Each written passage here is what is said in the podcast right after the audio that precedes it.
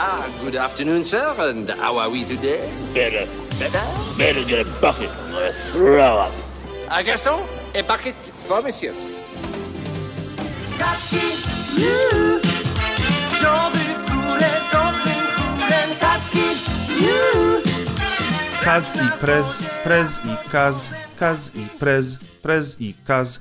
Chcesz zacząć? Chcesz zrobić wstęp?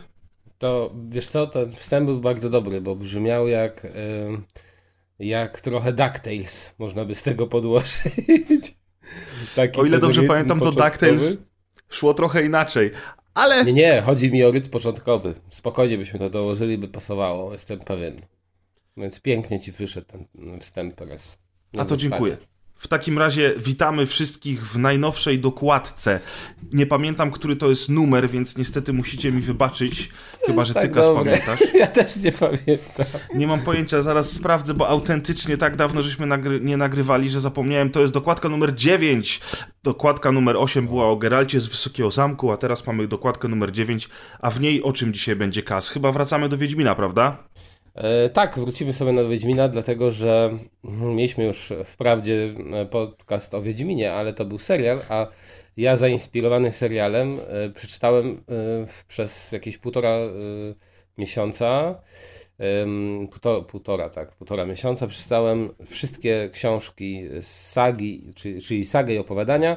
No jestem w trakcie czytania tej ostatniej powieści, która już jest takim interquelem, czy jak to nazwać, sidequelem, czyli historią, która się dzieje pomiędzy mm, pewnymi wydarzeniami dziejącymi się we wcześniejszych powieściach. Jak ona się nazywa, ta książka? Sezon Bush. Ja ona nigdy się nie czytałem dzieje- sezonu. Nie czytałeś? Nie, sezonu nigdy nie czytałem. Aha. No, ona się, bo tak patrzyłem, bo tak oczywiście jak ty to czytasz, bo zacząłem czytać sobie ten sezon, to tam w sumie nie ma za dużo wskazań na to, kiedy to się dzieje, ale można rozkminić w pewnym momencie, gdzie to jest. To jest mniej więcej wtedy, kiedy się opowiadania dzieją, czyli jeszcze przed sagą. No więc to taka, tak, taki dodatek, nie? A jeżeli chodzi o samą sagę i opowiadania, no to zapoznałem się z nimi i muszę przyznać, że bardzo mi się podobało. Jak dawniej, jeszcze będąc w liceum, czytałem pierwszy tom opowiadań, to chyba opowiadałem na, poprzedniej, na którejś z poprzednich dokładek, że, że końcówka książki okazała się niepełna, dlatego że wydawca tak pięknie, e, czy drukarz tak pięknie ją złożył, że brakowało chyba z 30 stron, także nie poznałem zakończenia opowieści. E, No a później jakoś, nie wiem, no coś tak, tak wyszło, że nie sięgnąłem po kolejne. Pamiętam, że od kolegi pożyczyłem. Podobały mi się te opowiadania, ale nie sięgałem po kolejne. A teraz zainspirowany serialem przeczytałem wszystko z marszu i taki pierwsze, pierwsza rzecz, która mnie uderzyła, to to jak Supernowa, czyli wydawca, wydaje te książki. One są po prostu no, bardzo źle wydane. E, I mam na myśli to, że e, okładka jest dość cienka, ona jest em, miękka, ale jest taka, widać, że podatna na zniszczenia. E, Sam, e, sama farba zastosowana na okładce jest, no nie, nie przypominam sobie dawno czegoś takiego, czy nie ma odpowiedniej folii, czy co, że czytając książkę okazuje się, że później masz na przykład wytarty, wyta, wytartą farbę.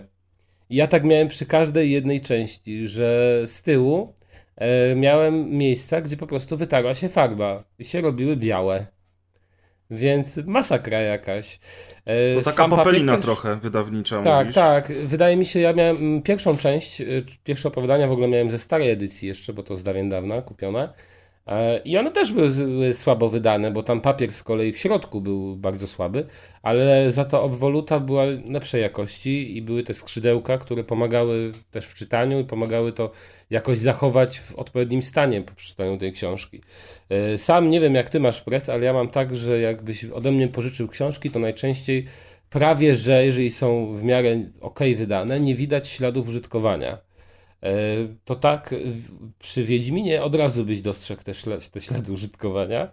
No ja się staram dbać o książki, słabe. to jest prawda. Ja zazwyczaj książki, które chcę zachować na stałe, to trzymam totalnie w ogóle na półce i jak je czytam, to bardzo, bardzo pilnuję, żeby nie zaginać No dokładnie, niczego. ja żeby nie trzymać, razy- wiesz, otwartej książki w miejscu, gdzie przeczytałem, czy O, coś. I dokładnie, Nie lubię tak, brać ja też książek do zaginać. podróży.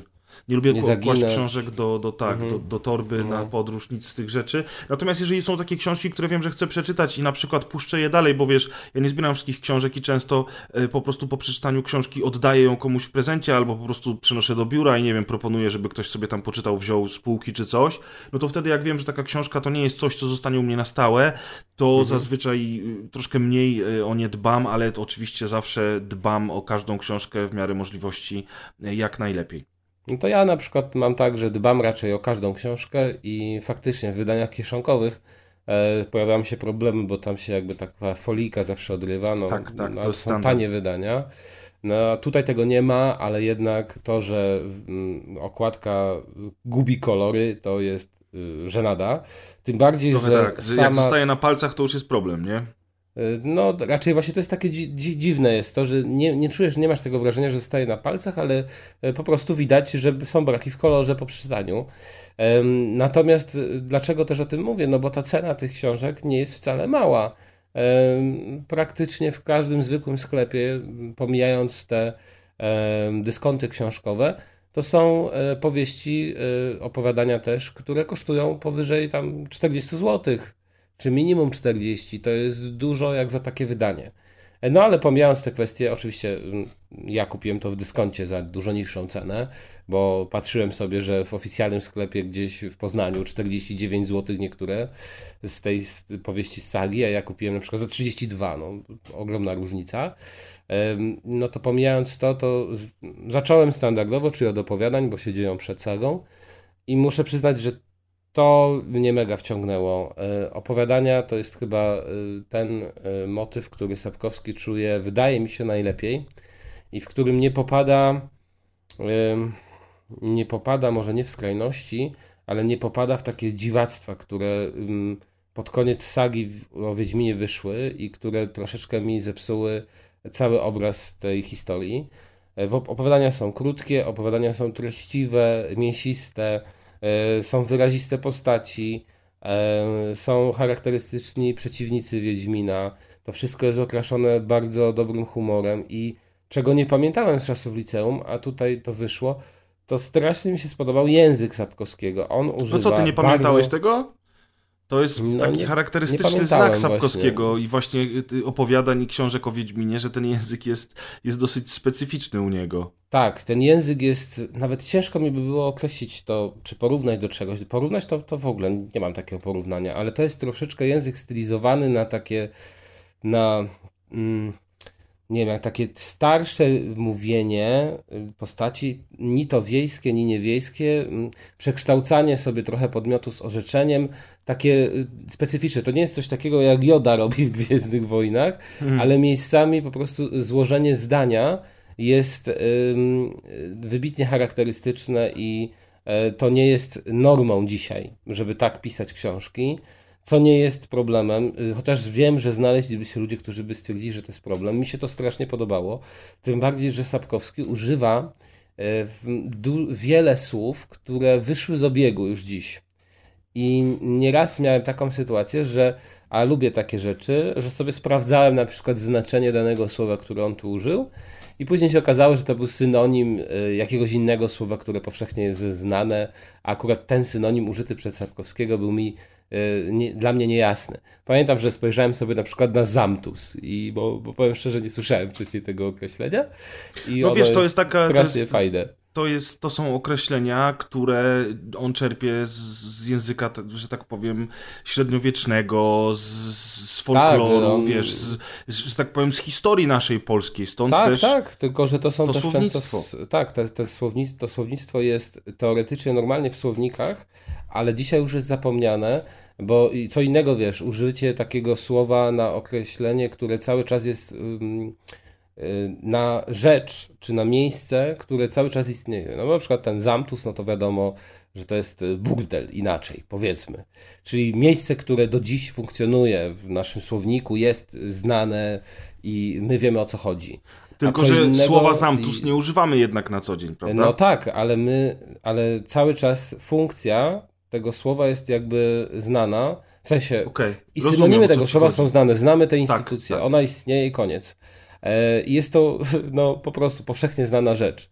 Natomiast co innego jest używanie na przykład określeń na broni, bo Sapkowski też używa, y, w- wprawia w ręce postaci bronie, których już, które już dzisiaj się nie pojawiają, więc nic dziwnego, że też y, możesz tego nie kojarzyć, no bo się okazuje, że on tam na przykład, już teraz zapomniałem y, też y, dokładnie, ale na przykład jako jakiś typ piki opisuje i używał się tego konkretnego słowa na pikę zakończoną tam ostrym haczykiem, takim hakiem. Y, Właśnie też mi teraz wyleciało No tak, słowo. ale to też jest research, który Tego autor musi dzisiaj. wykonać, zanim napisze książkę. Nawet jakby pisał książkę detektywistyczną albo książkę o lekarzach, to jednak wiesz, to słownictwo specyficzne, słownictwo tematyczne musi być wykorzystane. Znaczy Nie, musi, ja to rozumiem, być. tylko E, ja to po- mówię w tym, w tym sensie, że to jest duża zaleta. I to nie no dotyczy tak, tylko po oczywiście. prostu starych przedmiotów, gdzie ich nazwa jest taka, jaka jest, tylko dotyczy używanych normalnie przez nas y, y, rzeczy czy miejsc, które my znamy i on po prostu stosuje tutaj starsze określenia.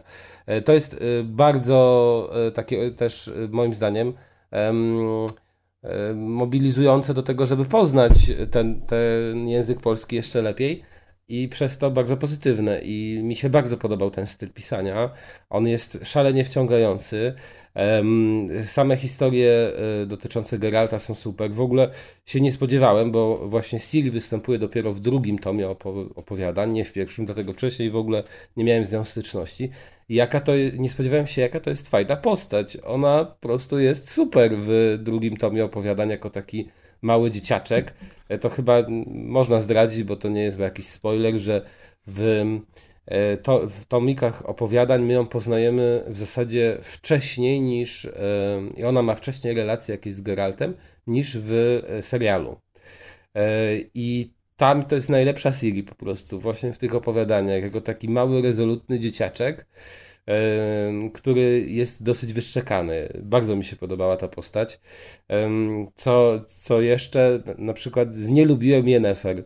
Nie wiem, ale nie rozumiem po prostu za bardzo motywacji tej postaci. Ona mi się wydaje, nie chodzi o to, że ona jest słabo napisana, bo ona jest dobrze napisana, ale po prostu jest taką osobą, której ja bym nie polubił. I Znaczy ona jest zwyczajnie- właśnie specjalnie w ten sposób napisana. Ja dokładnie tak ją pamiętam z książek i to jest ciekawostka, że ludzie w grach właśnie y, zachwycali się Yennefer, kiedy ona jest po prostu taką osobą, a nie inną i nie do końca da się ją lubić. I to właśnie jak Sapkowski ją opisał, to jest mistrzostwo świata, bo my obserwujemy ją jako jedną z głównych uczestniczek wydarzeń, jako miłość Geralta, opiekunkę Ciri, jako osobę, która jest bardzo ważna dla całości tej historii, natomiast no nie jesteśmy w stanie do końca ją polubić właśnie przez to, jaka ona jest. I to już w opowiadaniach się zaczyna. Ona potem się oczywiście w sadze zmienia i troszeczkę przechodzi jakąś tam ewolucję, natomiast dla mnie Yennefer do końca była postacią, za którą ja nie byłem w stanie tak totalnie pójść w ogień, bo, bo no to nie jest taka postać, och, kochana y, Yennefer, którą wszyscy uwielbiają. Teraz tak przez gry trochę ludzie mają i nie wiem dlaczego tak naprawdę, bo ona w, gra,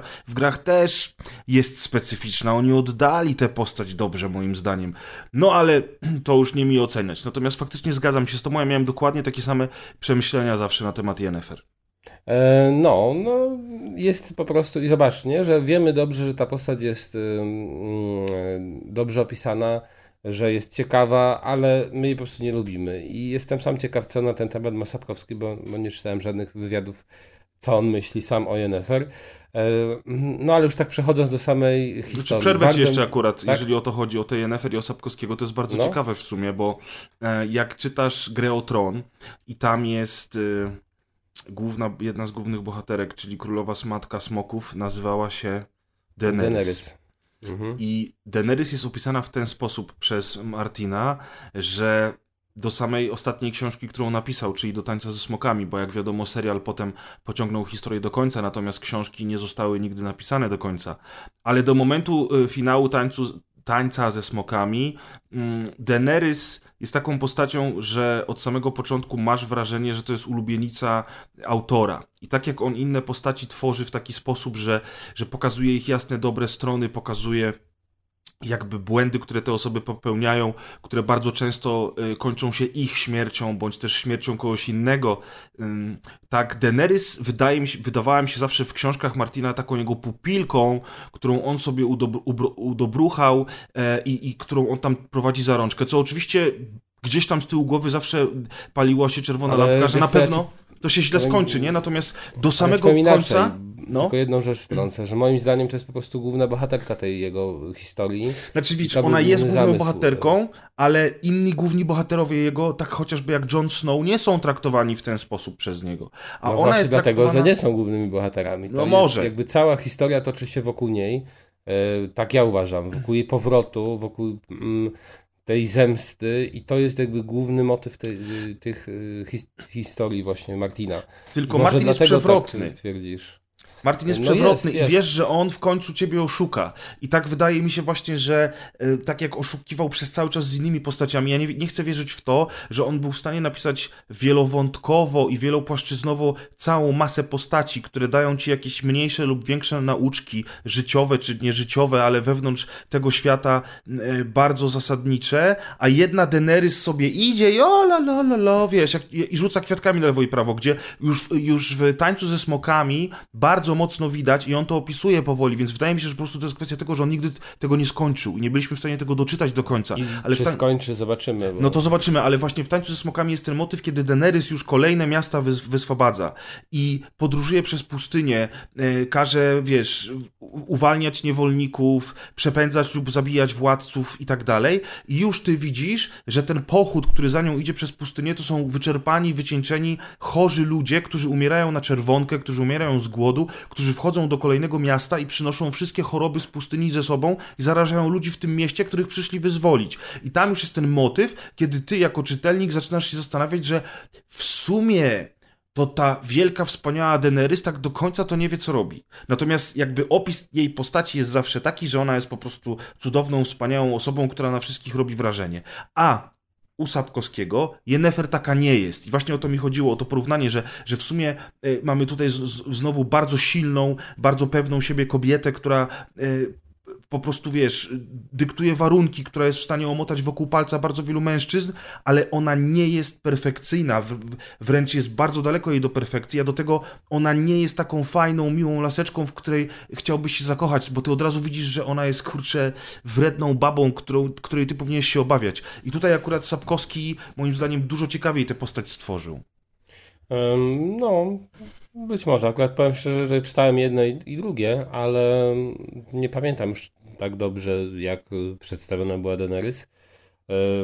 Więc ciężko mi się odnieść. Natomiast, no, może masz rację, to jest zdecydowanie specyficzna postać. To nie jest typowa postać kobieca, w której bohater nasz się zakochuje i, i z nią jest do końca, bo, bo tak. Tylko tu jest ona wyrazista, jest inna, jest ma swoje interesy, nie zawsze jest uczciwa i to jest też ciekawe. To, co jeszcze chciałem powiedzieć, to na temat całej sagi i opowiadań, że to są w zasadzie, mm, że te książki, prze- przede wszystkim saga, mm, miejscami przypomina taką, mm, taki cykl podróży, czyli mamy e, jakby drużynę i ta drużyna sobie wędruje i pokonuje różne przeciwności. I to Mhm. jest też fajne u Sapkowskiego, że ta, każda, każdy element tej drużyny, każda osoba, która tworzy tę drużynę, jest unikatowa i jest naprawdę e, tak skonstruowana, że ty mm, zwyczajnie lubisz te postacie i wiesz, że jeżeli kogoś z nich zabraknie, to cała drużyna i cała opowieść na tym straci. I na przykład to jest też tak u niego unikatowe, że on potrafi wprowadzić w połowie sagi, czy, pod, czy w drugiej połowie sagi nawet, postać, która Emiela, który jest po prostu super.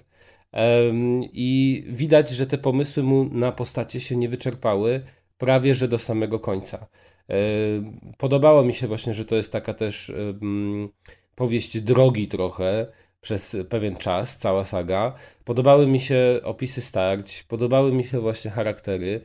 Wszystko było bardzo e, dobre.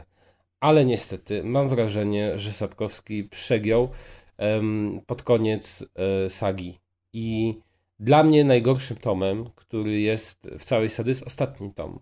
I zaraz może skupię się trochę na nim, dlaczego on moim zdaniem jest najgorszy.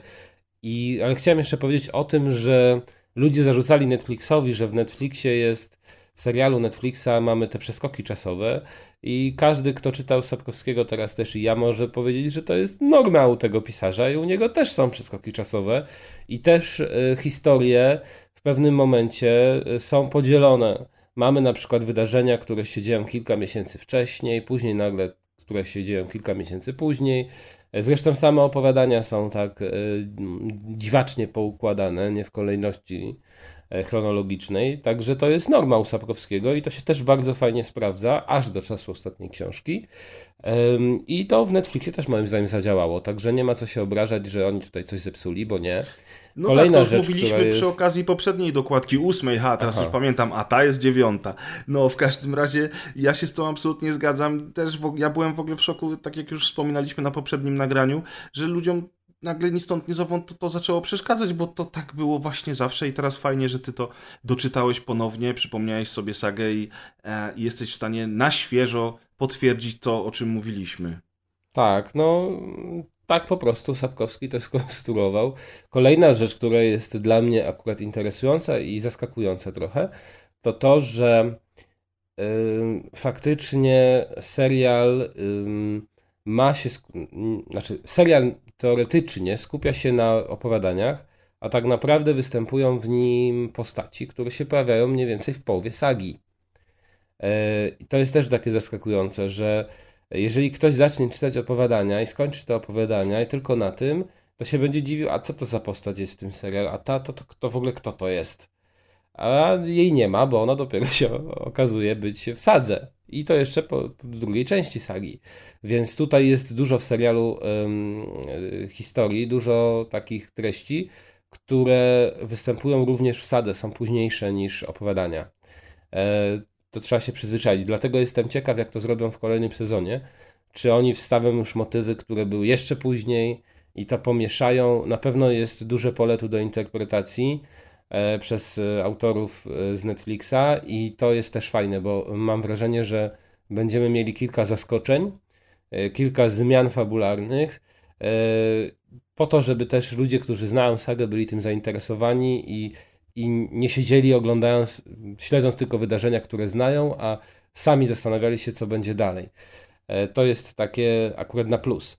E, Teraz e, jedyna, jedna rzecz, która mm, mi się nie podobała, czyli właśnie nie do końca podobała mi się Pani Jeziora, a więc ostatnia część sagi, w której no właśnie tutaj ciężko tak do końca o niej mówić jednoznacznie, ale w której te pomysły na właśnie różne em, wydarzenia, to jak się one dzieją w chronologii i tak dalej, są tak już poplątane, tak pomieszane. Jest kilka różnych wątków. Pojawiają się nowe postaci, które są w zasadzie epizodyczne, a które zabierają nam y, bardzo dużo treści, bardzo dużo stron.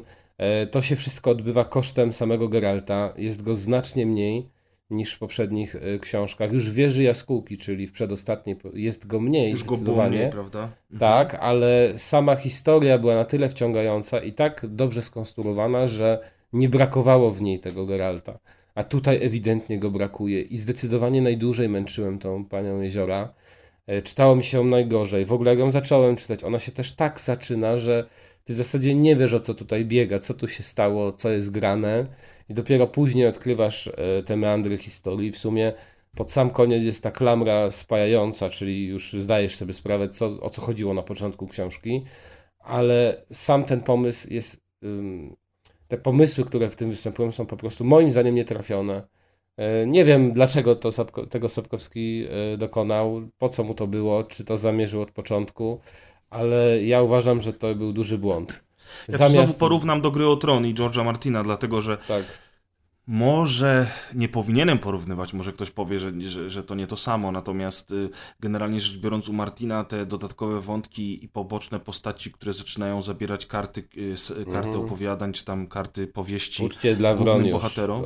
Tak, to są, to, są też, to są też takie wątki, które zaczynają plątać, zaczynają y, być niedokańczane przez autora. Znowu powtarzam, Martin nigdy nie dokończył swojej sagi, więc, więc nie wiem, czy zamierzenie było inne. Natomiast pamiętam takiego księcia, który jedzie do Daenerys po to, żeby, e, żeby prosić ją o rękę, bo on jest jakimś kuzynem czy innym tam e, trzecia woda po kisielu księciem, który ma prawa do tronu i on tam jedzie, jedzie, jedzie, jedzie i czytasz to, te jego wydarzenia, czytasz, zastanawiasz się w ogóle po co i na końcu przyjeżdża tylko po to, żeby umrzeć. I generalnie rzecz biorąc masz takie, aha, to świetnie, bo tą jedną czwartą książki, czy nawet więcej, którą poświęciłeś na tego gościa, można było poświęcić na zupełnie coś innego.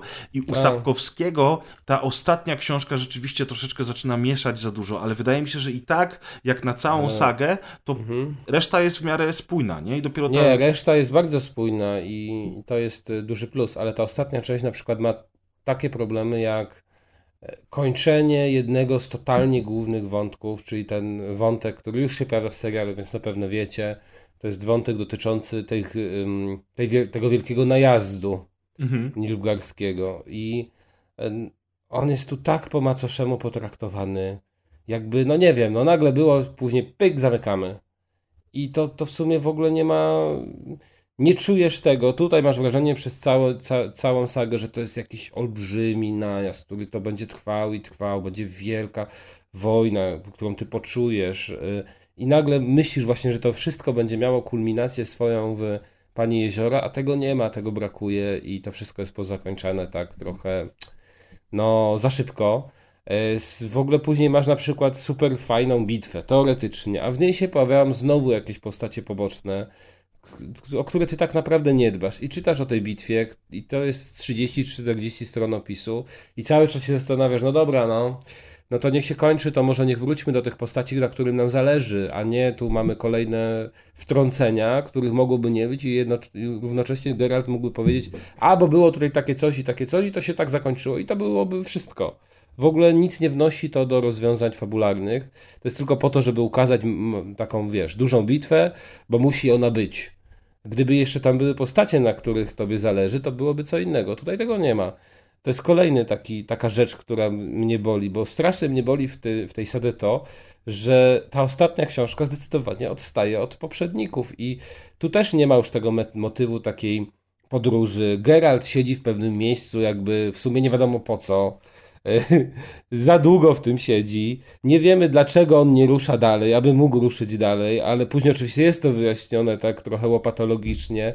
Mamy też y, niestety taką manierę trochę perpetuum mobile, że nagle nic z tego nizowego się okazuje, że my przez całą sagę czegoś szukaliśmy, nie wiedzieliśmy gdzie to jest, czegoś czy kogoś. I teraz nagle się okazuje, pyk, coś się dzieje, ktoś gdzieś kto, kogoś podsłuchał, aha, to już wiemy gdzie to jest i A, ruszamy. no tak. Przez całą książkę w ogóle oni właśnie idą przez całą sagę. yy, Ja kojarzę ten moment, odnaleźć, pamiętam to. A nagle z, totalnie z tyłka w jakieś nie, w ogóle w miejscu, które tam y, nie jest z tym, związane z tym wątkiem, nagle się pojawia, że gdzieś kogoś ktoś podsłuchał. No, no nie, no, no nie, no jakoś to do mnie nie trafia. Yy, I no zwyczajnie oceniam ją znacznie gorzej. I to jest taka wielka szkoda, że zamiast y, jakby nie przecierać szlaki, a właśnie być w tym, co było dobrze zrobione, to on postanowił sobie zrobić coś po swojemu y, w, inną, w inny jeszcze deseń. Y, Zmienił y, tę opowieść, y, pogmatwał ją jeszcze bardziej. Y, Tak, że ja już tego do końca nie kupiłem i to mnie bardzo boli. Mam nadzieję, że w serialu to zmienią po prostu. Że tam skończy się ta saga nieco inaczej, że będzie, będzie pewna zmiana. Y, Liczę na to. Y, Natomiast y, całościowo to jest bardzo dobra fantazy. To jest jedna z najlepszych fantazy, jakie czytałem. Tak powiem. Jeżeli ktoś to porównuje, bo serial był porównywany do Gry o Tron, to absolutnie to nie jest Gra o Tron. To jest kompletnie inny typ fantastyki. To jest bardziej lekka fantastyka. No ale właśnie ja powiedziałem o tym przed chwilą, że, że ja jednak polityki, porównuję. Porównuję jednak te, te książki ze sobą. Ale to jednak jest zupełnie zupełnie, inaczej. Zupełnie Tutaj- coś innego. Wiesz, no. ale tutaj też masz politykę, masz intrygi. No masz, masz, różne tych wątki. magów i ta ich polityka tych magów to też jest śmiech na sali, no. W ogóle też jest taki motyw, którego dla mnie przynajmniej śmiech na sali to jest ta polityka magów. Oni w sumie też działają tutaj, wielką lożę zakładają, żeby yy, coś zrobić i się okazuje, że w sumie ich wszystkie e, działania y, są bezsensowne. Masz y, na przykład em, co tutaj, bo to mi wyleciało z głowy właśnie. No niemniej, już nie będziemy tego kontynuować. E, Aha, już wiem. Na przykład ja do tej pory nie czaję i tak już e, patrzyłem od początku. Mówię, gdzieś to musi być opisane. Nie czaję na przykład motywu. Nie wiem, czy tego Sapkowski nie wyjaśnił, czy więcej takich rzeczy nie ma. A może po prostu ja, to, to jakoś mi wyleciało. E, Jak działają te portale? No bo czaro, czarodzieje tam w tym świecie mogą sobie tworzyć portale, czyli mogą się przenosić z miejsca na miejsce praktycznie od razu. A bardzo często w całej sadze są takie sytuacje, że dana postać po prostu nie jest wyjaśnione dlaczego. Jest magiem, czy ma- magiczką powiedzmy i gdzieś jedzie na koniu i teraz jest, że ona musi 3 dni, 4 dni tam jechać, żeby tam dojechać do celu. To dlaczego ona się nie przeniosła wtedy? Nie jest, nie czaję tego, bo tam nie ma jakby takiego wyjaśnienia, że na przykład ten portal można otworzyć tylko w określonych miejscach i on łączy tylko dwie ścieżki i koniec. E, A tutaj nagle czasami one, oni się przenoszą z miejsca na miejsce, jak autor tego wymaga i to jest potrzebne fabularnie, a czasami jest tak, że oni muszą y, odbyć wędrówkę, która na przykład trwa całą powieść jedną. I to trochę takich rzeczy też nie czaję. Czy jakby to nie jest idealna fantastyka, ale na pewno się wyróżnia. I się nie dziwię wcale, że w Stanach Zjednoczonych y, teraz po serialu też robi to furorę, czy w ogóle w zachodniej Europie, bo zdecydowanie tego typu y, powieści fantastycznej tam mm, chyba nie ma. Czytałem kiedyś więcej fantastyki i nie przypominam sobie czegoś podobnego. Aczkolwiek też jestem ciekaw, jak wygląda kwestia tłumaczenia, bo yy, na pewno jest, było bardzo trudno przetłumaczyć yy, powieść Sapkowskiego. Yy, to, że często jego bohaterowie wypowiadają dwuznaczne zdania, yy, które mają, które mają kilka ukrytych kontekstów i można się, i on się bawi po prostu tym językiem. Czy to zostało wiernie oddane w tłumaczeniach? Nie sądzę. Całe szczęście Sapkowski jest Polakiem, pisał po polsku i dla nas to jest uniwersalna książka, którą naprawdę warto przeczytać, jeżeli kto, ktoś y, nie ma awersji do fantastyki, y, nie myśli sobie w życiu tego nie przeczytam, to naprawdę warto. Ja sam powiem szczerze, nie jestem jakimś teraz wielkim fanem fantazy. Kiedyś bardziej y, w tego typu dziełach gustowałem, teraz już nie. Zdecydowanie bardziej wolę science fiction, ale to jest naprawdę em, historia na poziomie i warto po nią sięgnąć. E, Tym bardziej, że mamy ten serial i już widać, że serial może się różnić nieco od książek. Także to nie jest tak, że warto poznać tę historię bardziej mm, poprzez serial. Warto naprawdę sięgnąć po, po powieści. E, Dajcie im szansę, ja polecam. Torres pewnie się zgodzi. Ja się zgadzam, absolutnie. W ogóle nie mam nic do dodania. Bardzo ładnie opowiedziałeś o, o zarówno opowiadaniach, jak i o sadze.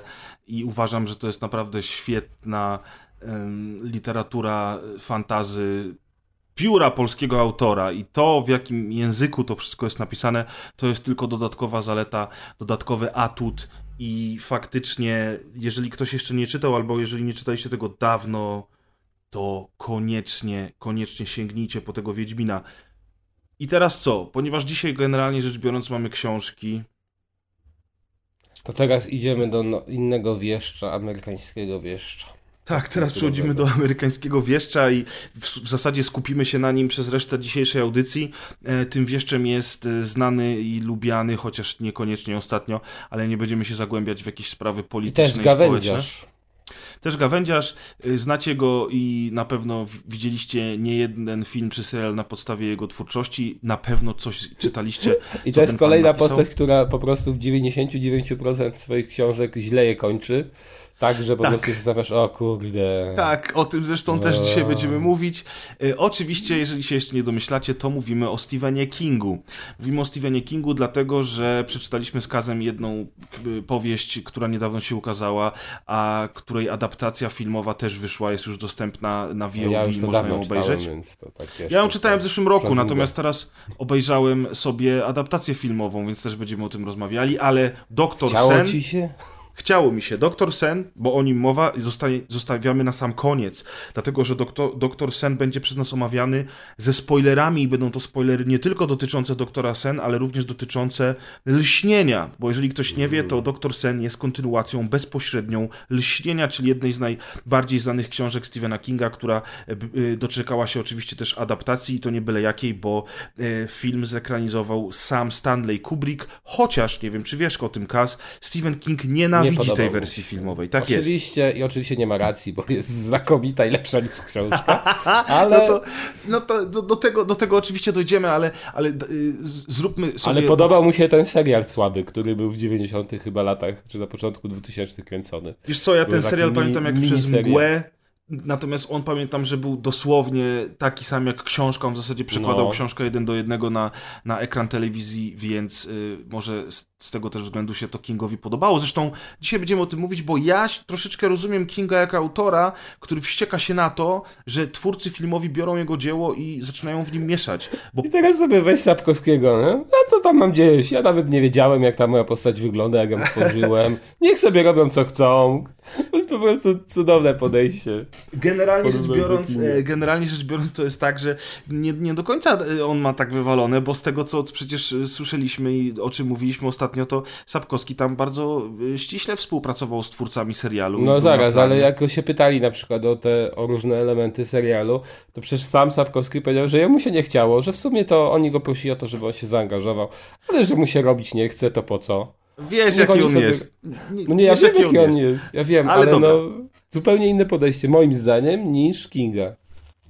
No tak, no King w ogóle angażuje się bardzo mocno w, w te wszystkie produkcje, on też często pisze w ogóle scenariusze do tych swoich produkcji. Ale nie jest na pewno produkcji. takim mistrzem gier, jak nasz Nie, Andrzej. tego, No. tego nie wiem, tego nie wiem. Natomiast dobrze, y, Andrzej i Wiedźmin zostają w, w poprzedniej części audycji, teraz zaczynamy audycję, to znaczy drugą część, w której będziemy mówili o Stephenie Kingu. Ja chciałem zacząć od pana Mercedesa, dlatego że pan Mercedes to jest taka książka, mm, która mnie bardzo zaskoczyła z tego względu, że to jest kryminał.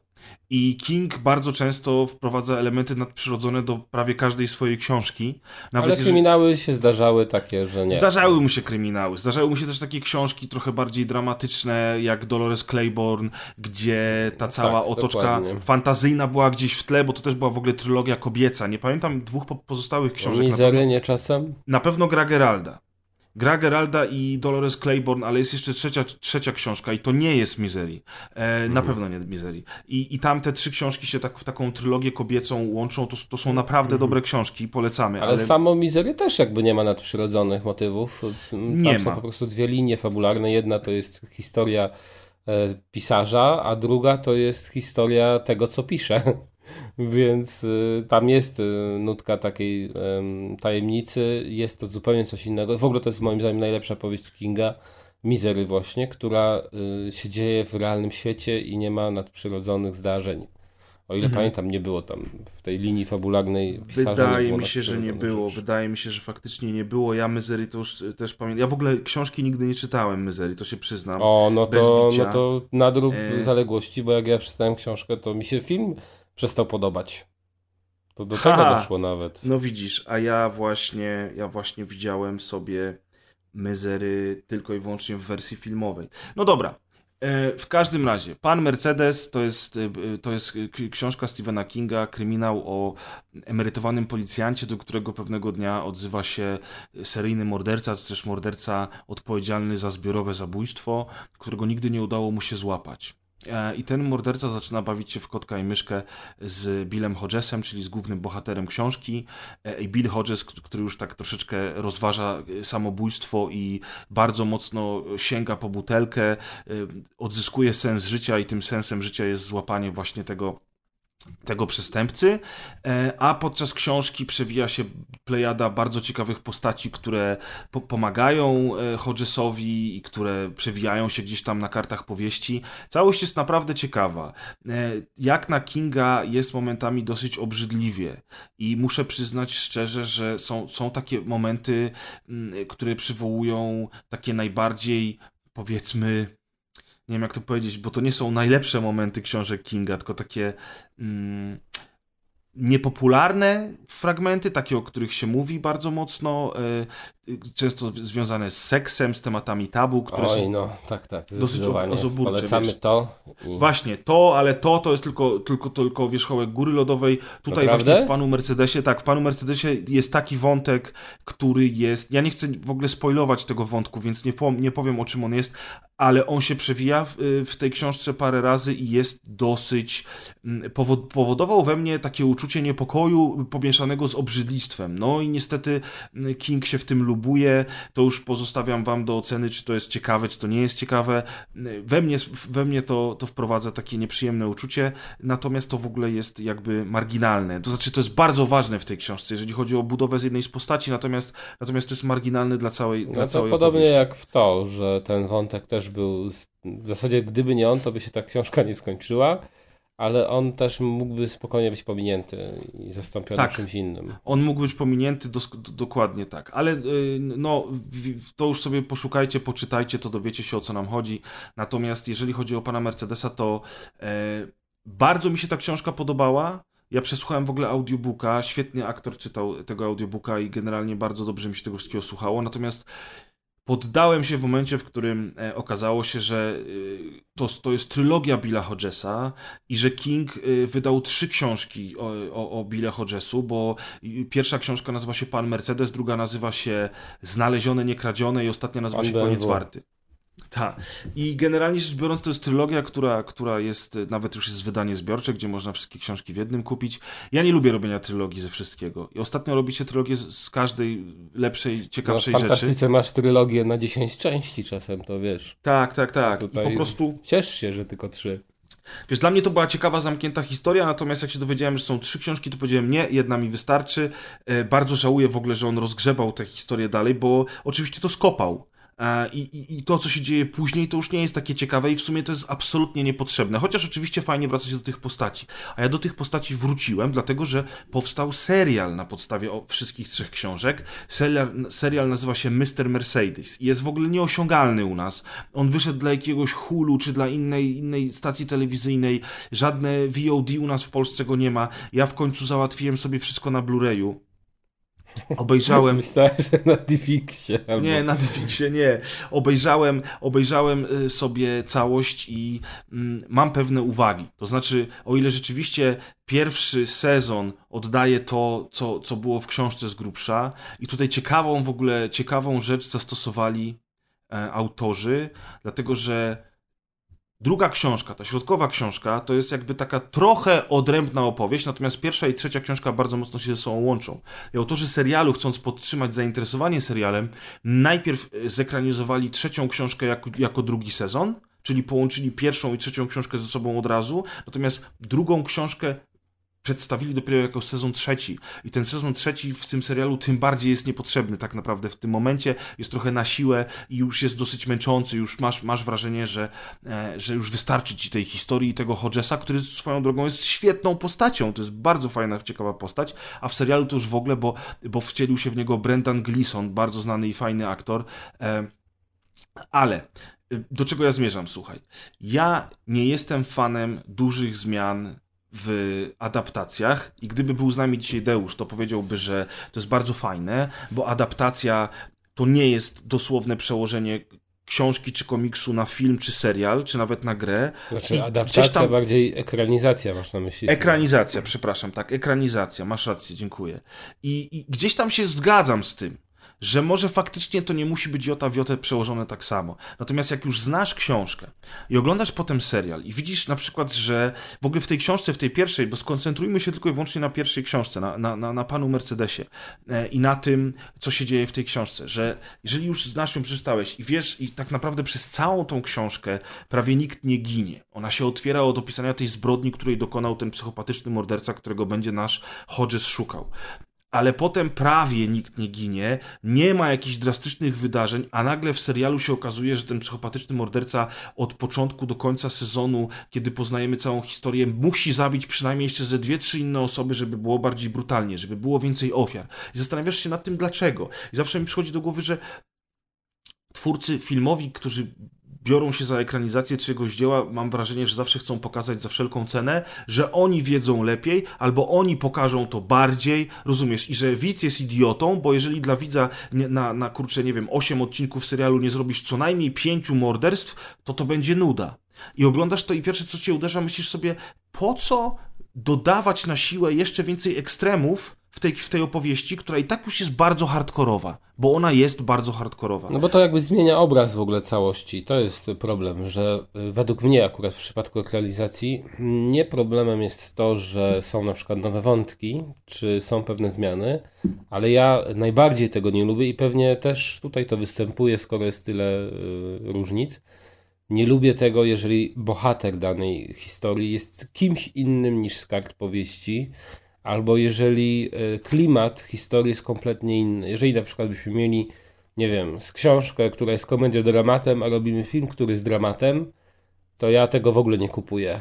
Jeżeli mamy postać, która ci się wydaje z kart powieści na przykład e, taką prześmiewczą, taką szyderą, a tutaj nagle robisz z niej kompletnie na przykład komediową postać, to jest coś, czego ja nie akceptuję. I tutaj też pewnie zaburzyli trochę klimat historii, bo zapewne ty pijesz do tego, że właśnie ona ma gęsty klimat, bez tych y, nadużyć, tak? A tutaj Znaczy te serialu... nadużycia, są, te nadużycia są po prostu, wiesz, one są po prostu zrobione Miejscami może. miejscami, one są po to, żeby, nie wiem, wiesz, konstrukcja odcinka jest inna niż konstrukcja rozdziału. Serial się inaczej tworzy, więc trzeba czasami podbić zainteresowanie, trzeba czasami dodać troszkę więcej e, adrenalinki w pewnych momentach. I to, ja tutaj mówię z, z perspektywy twórcy filmowego, bo moim zdaniem to absolutnie z perspektywy opowieści nie jest w ogóle potrzebne, bo, bo sama ta dynamika między detektywem a tym mordercą, to co się dzieje, te postaci, które detektyw spotyka na swojej drodze, są wystarczająco ciekawe moim zdaniem. No ale widzisz, tak to się dzieje. Natomiast y, sam klimat y, tego śledztwa, sama postać głównego bohatera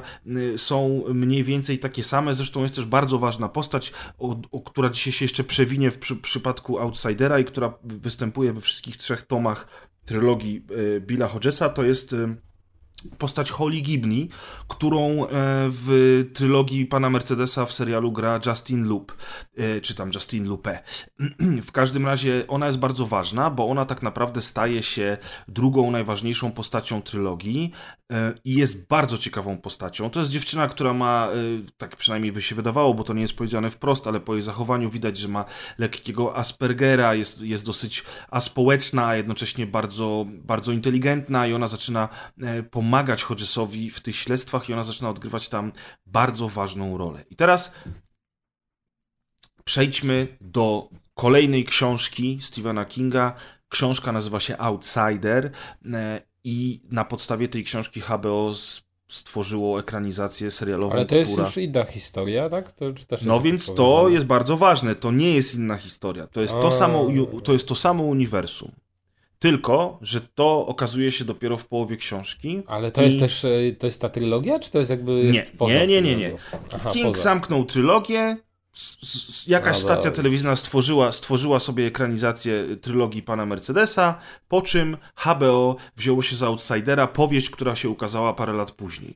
Bardzo dobra powieść przez pół książki. Tak jak powiedziałeś dzisiaj, King ma problem z kończeniem i pół książki jest bardzo ciekawe, dlatego że to jest powieść kryminalna, wręcz policyjna, e, gdzie bardzo ważnym elementem pierwszej połowy książki są zeznania świadków, e, wywiady przeprowadzane przez policję, dowody, które oni znajdują, rozmowy z ofiarami, rozmowy z oskarżonym, rozmowy z rodziną oskarżonego i czyta się to na jednym wdechu.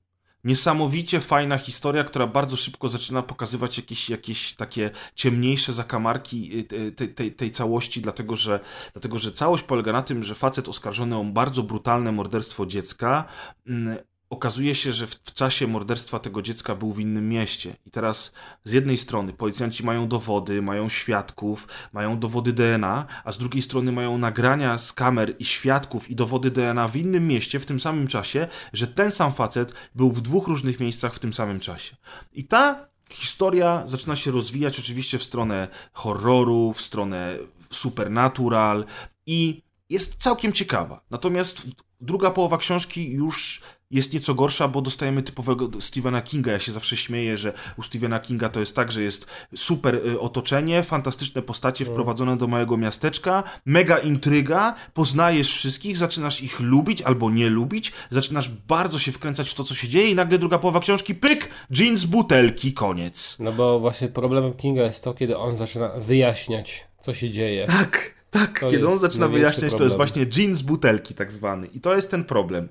I nie mówimy tutaj o takim dobrym ginie, do którego dolewasz toniku, tylko mówimy o takim ginie, jak był w Alladynie, który jest magiczny i tymczasem u Kinga robi złe rzeczy. jeszcze. Tak, zamiast Niebieski dobrych robi złe rzeczy. zarazem. Y, W każdym razie, mm, y, tutaj jest ciekawa bardzo rzecz, dlatego że Serial sam w sobie w ogóle moim zdaniem znowu jest przekombinowany. On jest dobry, jeżeli chodzi o, o to, jak on jest skonstruowany, o to, jak, jak jest zagrany, bo tam w ogóle główną rolę gra Ben Mendelsohn, którego ja bardzo lubię i który jest O, dobrym no, aktorem. Tak, tak. E, jest, też, jest też całkiem fajna obsada y, drugoplanowych postaci. Natomiast y, i tutaj wiesz, to ja, jeżeli chodzi o realizację, jeżeli chodzi o, o cały, ca- cały, takie, cały klimat tego, co się dzieje, to ja nie mam zastrzeżeń. Natomiast od samego początku widać już, że twórcy znowu wiedzą lepiej niż autor, dlatego że postać głównego bohatera, czyli Ralpha Andersona, grana właśnie przez pana Bena Mendelsona, mm, to jest taki policjant, który jest tak pewny siebie i tego, że, że, że oskarżona osoba dokonała morderstwa, że on na początku nie chce słuchać żadnych alternatyw, nie chce słuchać żadnego sprzeciwu. On jest przekonany, że idzie teraz jak po swoje, że ten facet jest, jest po prostu winny i trzeba go skazać i to, i to wpływa na jego zachowanie, to wpływa na jego ocenę sytuacji. I to jest bardzo ważne dla tej książki. W serialu natomiast facet jest pokazany dużo mniej omyłkowo.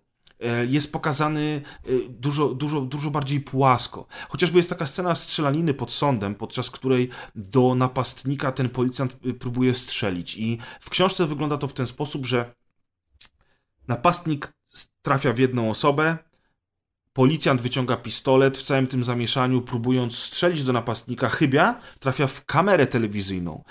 Ta kamera telewizyjna ulega uszkodzeniu, plastik odłupuje się od niej trafiony kulą i trafia dziennikarza w oko.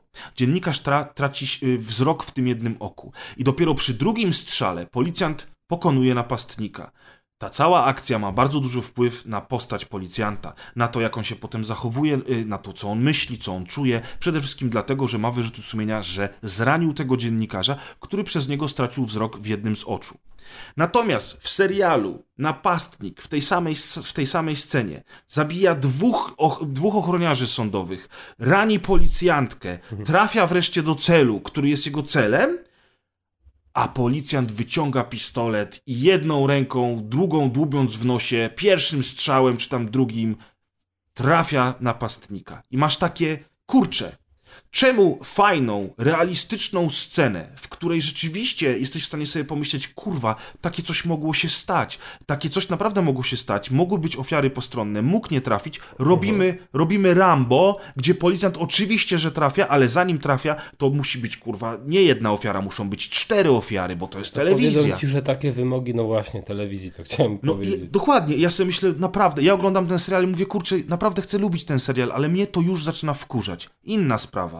Jest, tak, jest taka sytuacja w książce, kiedy, kiedy policjant ym, przyjeżdża z nowymi dowodami. Na tych dowodach są odciski palców tego oskarżonego, który, nie, który powinien być w innym miejscu zupełnie niż by wskazywały te odciski palców. I policjant wiedząc, że to zaszkodzi mu w śledztwie, jak spotyka się z oskarżycielem i z drugim policjantem, to ma gdzieś z tyłu głowy, kurczę, a może byśmy tego nie dodawali do dowodów sądowych? Wiesz, i nagle oskarżyciel mówi, e, o kurczę, to może nam zaszkodzić w sprawie. To nie wiem, chyba nie powinniśmy tego dodawać do e, dowodów sądowych.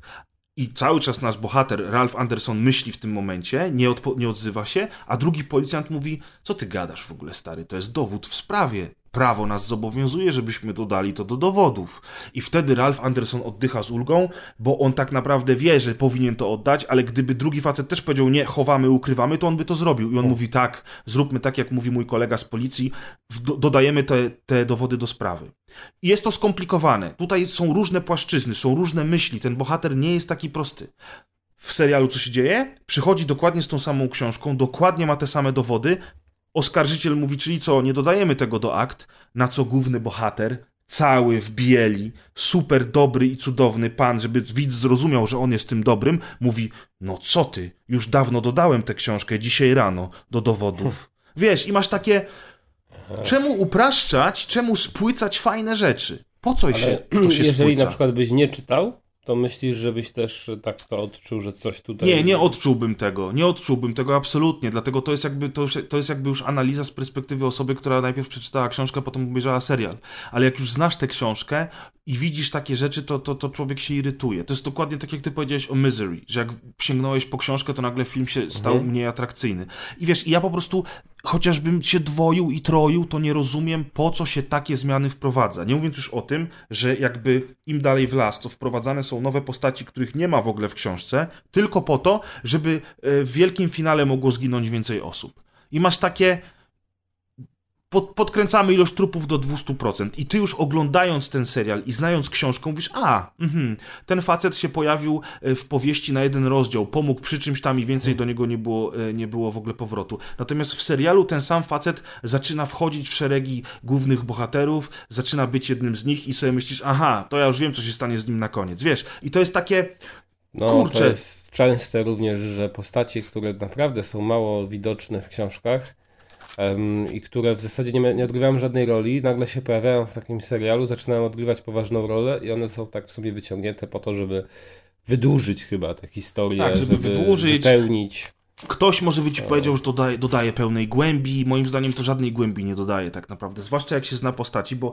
w ogóle jedna z tych postaci, które są dodatkowo dodane jest po to, żeby stworzyć e, romantyczny związek z drugą główną bohaterką, bo poza Ralphem Andersonem główną bohaterką serialu jest, mój drogi, tutaj uważaj, uważaj, Holly Gibney, czyli ta sama bohaterka, która była w trylogii pana Mercedesa. Holly Gibney pojawia się w połowie książki Outsider i wtedy okazuje się, tak. Wtedy okazuje się, że to jest to samo uniwersum, w którym dział się pan Mercedes, że to jest ta sama bohaterka i masz takie wow, to jest mega fajna rzecz, to jest, to jest coś, co tak naprawdę ratuje drugą połowę tej książki, bo Holly Gibney, tak jak powiedziałem, jest bardzo specyficzną, ale bardzo ciekawą i bardzo uroczą postacią E, i prze, przez to przez to nagle mówisz, kurczę, super. Tylko, że Holly Gibney, grana przez e, 30-letnią e, białą aktorkę i która ma napisaną całą e, swoją jakby historię w powieściach, która wywodzi się z, z, z dobrego domu, w której matka biała, bogata, dosyć osoba,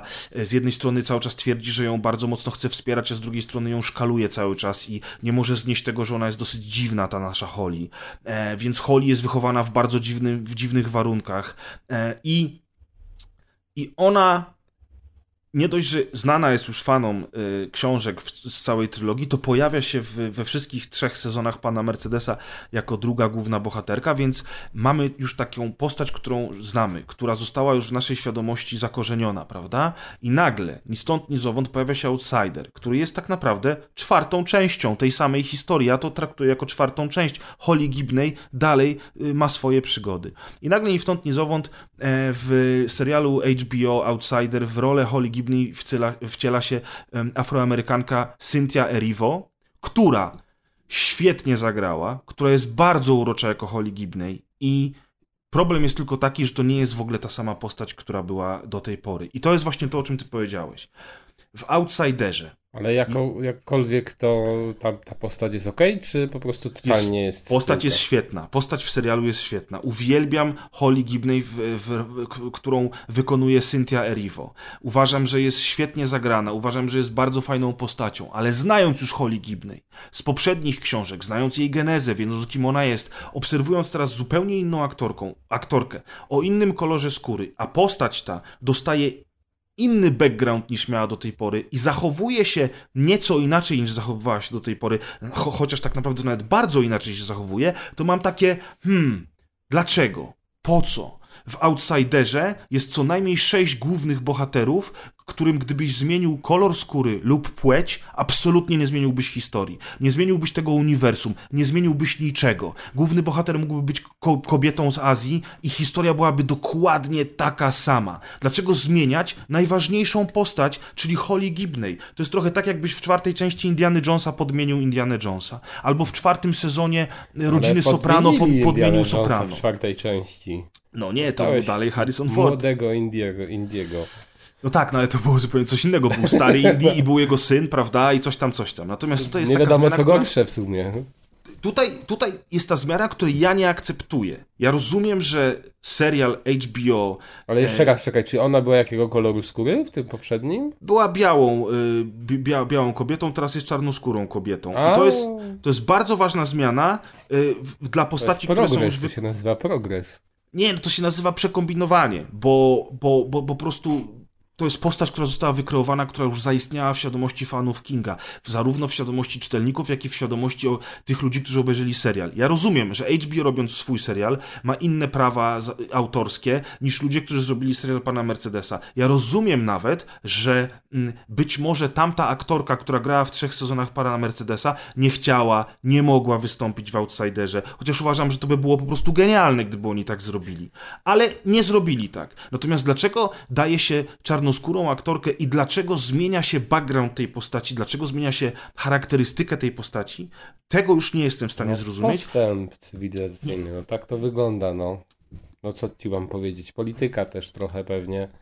E, W ogóle tak, jedna rzecz mnie tylko zastanawia. bo Ale widzisz, co ja powiedziałem, nie? Że, że jakby polityka, okej, jeżeli to jest polityka, jeżeli to jest chęć do, do, dotarcia do, pewnych, do, do, do, pewnej widowni, No ale jeżeli nie to ma okej, problemu. To, to przeszkadza, no jednak mimo wszystko. To, to Nie, bo, jest przeszka- okej. bo tak jak powiedziałem, gdyby to był Ralph Anderson, czyli główny bohater, gdyby to był y, Howard, y, adwokat, gdyby to był ktokolwiek inny w tej książce, to ja bym nie miał najmniejszego problemu z tym, No bo to dobra, niczego ale nie zmienia. Wiesz, to a jest zmieniona postać, która, a jest zmieniona postać, która już po prostu została stworzona, wykreowana w świadomości, która Nie, ja to- naprawdę ja ma rozumiem, sens. no, ale no słuchaj, i niestety no- wiesz, to jest tak samo jak na przykład, słuchaj, e, Howard, ten, mm, ten adwokat, nazywał, nazywa się Howard Gold w, w książce. To jest takie typowe żydowskie nazwisko i Goldów w USA jest bardzo dużo i tak samo e, adwokatów żydowskiego e, pochodzenia w USA jest bardzo dużo Mm, i to jest jakby no, normalne, no to kurczę, no to jest Ale tam no wiem, mnóstwo no Żydów, a w serialu, strony. ale słuchaj, a w serialu No. Howard już się nie nazywa Howard Gold,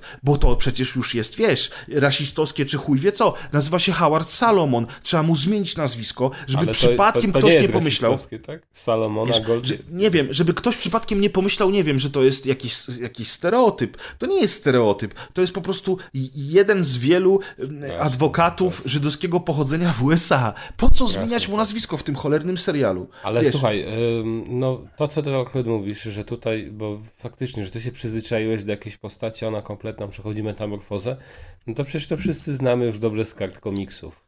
Że miałeś bohaterów, nagle się okazuje, że ktoś inny jest tym bohaterem.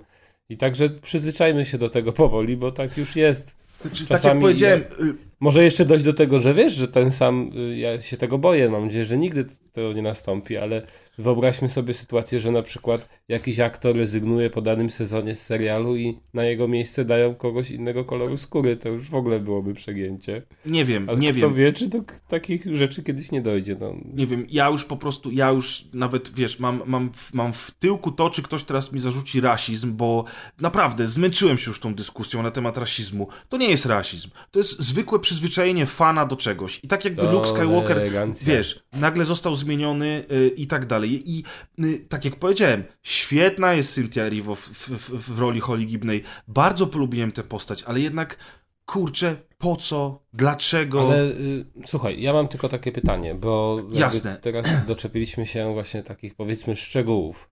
A y, tak. Co nie y, jest całościowo. szczegół, no, ale okej. Znaczy, to dobra, ale to jest jakby taka rzecz, która może komuś nie przeszkadzać, y, która jest troszeczkę takim twoim postrzeganiem indywidualnym. y, Osobie, która nie widziała pana Mercedesa i która sobie obejrzy tylko Outsidera, to w ogóle nie, nie będzie nic przeszkadzać, bo to jest ja wszystko mam okej. właśnie dwa pytania. Czy można to obejrzeć bez znajomości pana Mercedesa? Bo powiem Można. szczerze, akurat ja chyba wolałbym właśnie to, tego outsidera. E, A druga rzecz, która z tych y, i zarówno jeżeli chodzi o powieści, i zarówno jeżeli chodzi o seriale, który jest lepszy? Co jest lepsze? Tak, okej, czyli y, tak, Outsidera można spokojnie obejrzeć bez znania pana Mercedesa, twórcy serialu wręcz odcinają się od tamtych książek, to w ogóle nawet nie jest wspomniane w żaden sposób. E, więc spokojnie oglądając Outsidera poradzisz sobie bez znajomości pana Mercedesa. Co więcej, Outsider to jest tylko jeden sezon, składa się z 10 odcinków i to jest zamknięta całość. Więc to tak naprawdę jest bardzo, bardzo długi film na podstawie książki. E, Pan Mercedes to są trzy sezony. E, Im dalej w las, tym gorzej. Trzeci sezon to już jest męczarnia. I gdybym miał oceniać jako całość, czyli trzy sezony pana Mercedesa kontra jeden sezon Outsidera, to powiedziałbym, że mimo wszystko Outsider jest lepszy. Natomiast ja bym polecał y, tobie i, i, i słuchaczom y, zapoznać się z panem Mercedesem z książką albo z serialem z pierwszym sezonem, chociaż tak jak powiedziałem, on jest cholernie trudno dostępny u nas. Mm, Dlatego, że sam pierwszy sezon pana Mercedesa jest rewelacyjny. I uwielbiam tę książkę i bardzo mi się podobał też pierwszy sezon serialu. z Outsiderem jest tak, że on jest rewelacyjny przez pół książki, tak jak już powiedziałem, a przez drugie pół książki jest pyk i jeans butelki. W związku z czym, gdybym miał tylko powiedzieć pierwszy sezon Pan Mercedes, pierwszy sezon Outsider, to bym powiedział, że bierzcie Pana Mercedesa. Ale patrząc na całokształt, to jednak bierzcie Outsidera. Wiem, że zamieszałem, ale nic na to nie poradzę. Nic na no to nie tak, poradzę. tak jest, y, ale nie, no akurat mnie zaciekawiło. Bardziej właśnie Outsider pewnie sięgnę. Nawet nie wiem, czy nie po książkę. y, A właśnie, jeżeli chodzi o książkę, czy tam też czuć to, że. Znaczy, czy można to czytać bez znajomości poprzedniej? Czy to już jest Tak, tak, można, można, Można. To znaczy jest, jest w ogóle jest bardzo duży problem w książce, ponieważ kiedy pojawia się Holly Gibney, to Stephen King albo jeden z jego ghostwriterów, którzy napisali to za niego, bo wiesz, z Kingiem to nigdy nie wiadomo. Mm, Mm, za dużo tego. Za dużo tego, nie? W każdym razie w połowie książki, kiedy Holly Gibney się pojawia i zaczyna, że tak powiem, wspominać wydarzenia z trylogii pana Mercedesa, czyli tak trochę jakby tłumaczyć skąd ona się wzięła i czemu ona jest detektywem, to niestety padają bardzo duże spoilery z tych trzech książek i to takie spoilery, że tak naprawdę na, na, na pierwszych dwóch stronach nowego rozdziału lecą spoilery tak naprawdę zdradzające ci fabułę i drugiego i trzeciego tomu pana Mercedesa i masz takie naprawdę? Czy jakikolwiek autor książki kiedykolwiek tak sobie bardzo strzelił w stopę jak Stephen King teraz, bo gdybyś ty chciał przeczytać te książki po Outsiderze, to o ile nie zapomnisz tego, co tam pada, to tak naprawdę y, najważniejsze rzeczy z tych książek masz podane w, w ciągu, wiesz, dwóch, trzech zdań. I to niestety jest problem Outsidera, że on strasznie spoiluje wydarzenia z pana Mercedesa.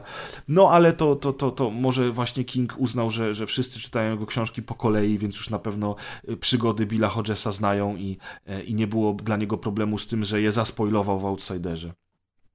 No być może. No dobra, y, to może przejdźmy do tej ostatniej wisienki Tak, teraz jest Kinga. finał, teraz jest finał e, dzisiejszego naszego odcinka. Przechodzimy do doktora Nie, to jest ten Sen. taki pik, a później będziemy Pik. jeszcze opadać do, dobrą rzeczą.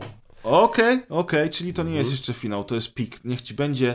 Przechodzimy do tematu odcinka, czyli Doktor Sen. Znowu Stephen King wraca nam. Tym razem e, jest to kontynuacja, tak jak powiedzieliśmy we wstępie, jednej z najważniejszych powieści tego autora. To jest kontynuacja Lśnienia. Ja znowu przesłuchałem tę książkę jako audiobook. A ty, Kas, czytałeś chyba polski przekład, tak jak Pan Bóg przykazał na E, tak, kartce. na premierze, jak zaraz wyszło, to sobie to kupiłem, bo dobrze pamiętałem, znaczy dobrze, no, pamiętałem lśnienie i ciekawiło mnie w ogóle, co on tutaj chciał, y, czego w ogóle chciał dokonać tą kontynuacją, bo przecież y, samo lśnienie było pozycją zamkniętą. No i niestety wiadomo. Ale to ty może, To może znaczy, opowiedz szerzej. ja, trochę, ja trochę wiem, czego on chciał dokonać tą książką. Ta książka. sprzedać ją. Nie, ta książka jest przede wszystkim w dużej mierze rozliczeniem Kinga z jego własnym alkoholizmem. Ale to już było w lśnieniu. To, to... To, wiesz, ale to było w wielu książkach. Natomiast to jest y, książka, która mówi o alkoholizmie na, na przestrzeni lat z perspektywy człowieka, który już nie pije. I czuć w tej książce, bardzo mocno czuć, że Stephen King e, poradził sobie z czymś, co kiedyś było strasznym utrapieniem dla niego, i on teraz z perspektywy czasu jest w stanie to dużo lepiej opisać i nakreślić te problemy, niż był to w stanie zrobić wcześniej. I A powiedz mi tylko jedną rzecz, bo y, to No. jest bardzo fajne, co mówisz, ale czy to jest usprawiedliwienie do tego, żeby nazywać tę powieść sequelem tak ważnej książki dla Kinga? Bo moim zdaniem nie. Po prostu Wiesz ta co? książka nie powinna być określana jako, według mnie, sequel do Lśnienia. Zwyczajnie nic by na tym nie straciła. A tak wydaje się zupełnie inna, kompletnie inna jest konstrukcja tej powieści niż poprzedniczki. Ona w sumie poza głównym bohaterem, a nawet no, w Lśnieniu no, też głównym bohaterem w sumie też, to nie ma nic wspólnego z tą mm, pierwotną wizją. No, no nie ma, tylko pytanie brzmi, czy ona musi mieć tyle wspólnego. To znaczy, jest sobie No postać... skoro jest reklamowana jako dal, wiesz, bezpośredni sequel, no i jest jako oczywiście, bezpośredni ja- sequel i tutaj będziemy Dla- mieli problem, dlatego że musimy Dlatego rozmawiać o dwóch rzeczach. Musimy mówić o lśnieniu książce, lśnieniu film i o Doktor Sen książce i o Doktor Sen filmie, dlatego że Doktor Sen film jest bezpośrednią kontynuacją filmu Lśnienie, wbrew pozorom, a książka e, Doktor Sen jest bezpośrednią kontynuacją książki Lśnienie. I tutaj jest bardzo ważny motyw, dlatego tak jak powiedziałem, spoilery, motywem tym jest kwestia hotelu i tego wszystkiego, co się dzieje w finale filmu y, Doktor Sen. Dlatego, że zacząć należy od tego, że lśnienie kończy się w wersji książkowej tak, że główny bohater, grany przez Jacka Nicholsona, e, w, w tym szale swoim, y, kiedy został Chyba już wybucha, opętany. tak? Tak, tak, on został opętany przez, przez hotel. On próbował zamordować swoją rodzinę, natomiast w ostateczności on się powstrzymuje. Y, Zyskuje z powrotem kontrolę nad sobą samym i żeby po, pomóc swojej żonie oraz synkowi uciec z tego hotelu, on się cofa do hotelu, gdzie, gdzie jest ten piec. Ten piec jest bardzo ważny, bo ten piec trzeba pilnować, trzeba tam coś odpowiednio przekręcać, czy spuszczać ciśnienie, żeby on się nie przegrzał i nie wybuchł. I on uświadamiając sobie to, że zaniedbał ten piec, będąc w tym morderczym szale, wraca tam i próbuje go skręcić na tyle, na, na ile może, żeby powstrzymać wybuch, zanim żona i dziecko uciekną z tego hotelu. I kiedy oni uciekają z hotelu, kiedy są już bezpieczni, on uświadamia sobie, że się udało, że jakby odkupił swoje winy i ginie w eksplozji tego hotelu. Hotel zostaje zrównany z ziemią. Tak się kończy książka. Film natomiast kończy się zupełnie inaczej, bo tam ojciec, grany przez Jacka Nicholsona, pan Torrance, ja nigdy nie pamiętam jak, jak on Jack. miał na... Jack, tak, no jasne, że Jack. Jack Torrance e, ściga tą swoją rodzinę aż poza hotel, dobiegają do tego, tego takiego labiryntu Gdybyś stworzonego miał z taką żonę, to byś jej nie ścigał, jak w tym Oj, filmie. To... Tam a propos tej kobiety to jest inna sprawa, bo tam reżyser w ogóle, jeżeli ktoś by miał ochotę sobie poczytać kiedyś albo obejrzeć film dokumentalny, to on strasznie wymęczył tą babkę psychicznie i zmaltretował, a kobieta długo nie pożyła niestety, bo zmarła. E, i, I to jest dosyć skomplikowana historia. W ogóle powstanie lśnienia filmowego to jest skomplikowana historia, ale kończąc tylko temat y, tego, jak film się kończy, to właśnie jest ten motyw, że tutaj nie ma odkupienia, że ten główny bohater z siekierą goni rodzinę swoją do samego końca, aż gubi e, ich w, gdzieś tam w plątaninie tych żywopłotów i zamarza na śmierć, prawda? I tak się Tak. kończy lśnienie. I tutaj podejrzewam, że to była e, na, największa wada tego filmu według Stephena Kinga, chociaż to nie To była znaczy, jedyna wada ja, tego filmu. Wydaje mi się, że jedna jeszcze inna rzecz, która różniła tę książkę, książkę i film, e, którą ja pamiętam, może, może to nie jest do końca właściwa interpretacja, ale ja tak to odebrałem, była taka, że po prostu hotel przejął kontrolę nad e, Torrensem. Tak było w książce, że w sumie to nie on był odpowiedzialny tak naprawdę, tylko ten hotel. A w filmie to troszeczkę inaczej wybrzmiewało i miałeś wrażenie, że on po prostu po, popadł w, taki, w takie szaleństwo. Szaleństwo w taki E, alkoholowy zwit już trochę, nie? Tak, tak. Mhm. Znaczy, Mimo, że tam były też motywy oczywiście tego hotelu, ale zdecydowanie mniej to było. Zupełnie to było zmienione, jakby ten motyw był różny. I, i to sądzę, że to, to było no, w dużej mierze problemem Kinga, tak mi się wydaje, że oni troszeczkę zmienili sam zamysł e, tego popadania w szaleństwo. E, Sama końcówka też masz rację, że ona była inna. no i No ale zgadzamy doktor- się, że chyba Mhm. książka i film były bardzo dobre. Bardzo dobre, to jest bardzo ważne dzieło, jeżeli chodzi nie tylko o kinematografię, ale też o literaturę i horror w szczególności. Także polecamy zarówno Tak, książkę, to jak i były film. horrory, które straszyły klimatem. To jest y, dla mnie cudowne, że do dziś, y, kiedy oglądam Ciśnienie, to czuję tę gęstą atmosferę i ten niepokój. I w sumie tam nie ma... Tam nawet właśnie ciężko powiedzieć, że są takie mm, idealne jumpscary. Tam bardziej właśnie cię straszy Klimatem. klimat tego filmu i to jest piękne. I u Kinga, co w książkach straszy najczęściej i też się to udało w cieniu, to jest właśnie klimat. To jest y, też piękne u tego autora, że potrafi, póki zaczyna nie wyjaśniać, ten klimat budować znakomicie. Ja pamiętam, e, że jak czytałem Lśnienie w liceum, to w scenie z, z panią w wannie, jak Ale skończyłem... też w liceum czy, czy, czytałem. czy skończy, no tak, no bo to wtedy, chociaż fakt, że ta książka to jest, to jest, to są lata 70. chyba, jak ona wyszła, więc Mhm. to faktycznie zbieg okoliczności, że czytaliśmy ją w tym samym czasie. Natomiast właśnie jak skończyłem czytać ten rozdział z panią w wannie, to y, odłożyłem książkę, zamknąłem ją i powiedziałem, aha, y, nie mam ochoty dalej. Czytałem ją przy lampce nocnej w środku nocy i autentycznie byłem przerażony, tak jak rzadko kiedy jestem przerażony po książce. Zaz- Zazwyczaj nigdy nie jestem przerażony po książce, bo jednak po tym wszystkim, co dostarczyły nam filmy i co dostarczają gry, jeżeli chodzi o temat straszenia, to opisy w książce nie potrafią już wywołać na nas takiego wrażenia, jak, jak kiedyś wywoływały na przykład. No my jesteśmy Lovecraft w Tak, tak. I, i, a tam jednak przeczytałem ten rozdział i powiedziałem, wow, ale się teraz naprawdę boję, nie chcę tego czytać dalej i miałem w ogóle obawy, żeby zgasić lampkę. Także tak, y, Lśnienie jest, jest, jest naprawdę dobrą książką. No i teraz właśnie wiele, wiele, wiele lat później King wydaje Doktor Sen.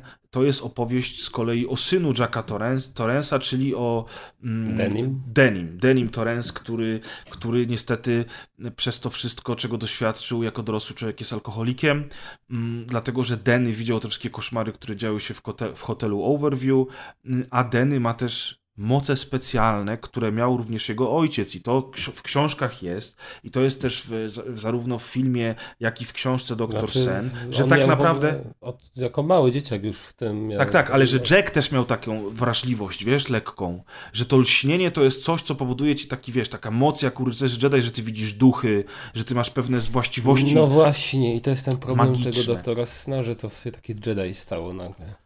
Czy nie tyle Jedi, co takie właśnie obcowanie z, z drugą stroną, z umarłymi, z tymi złymi duchami, z tymi dobrymi duchami i to, i to jakby to jest już w lśnieniu i książka Doktor Sen próbuje ci trochę wyjaśnić, że tak naprawdę Jack Torrance, grany przez Nicolasa, fu, przez Jacka Nicholsona w, w, w, w filmowym lśnieniu, że Jack Torrance też to lekkie lśnienie w sobie miał, przez Ale co już- on widział słuchaj, te duchy, nie? Tu już użyłeś tego magicznego słowa u Kinga. Wyjaśnianie.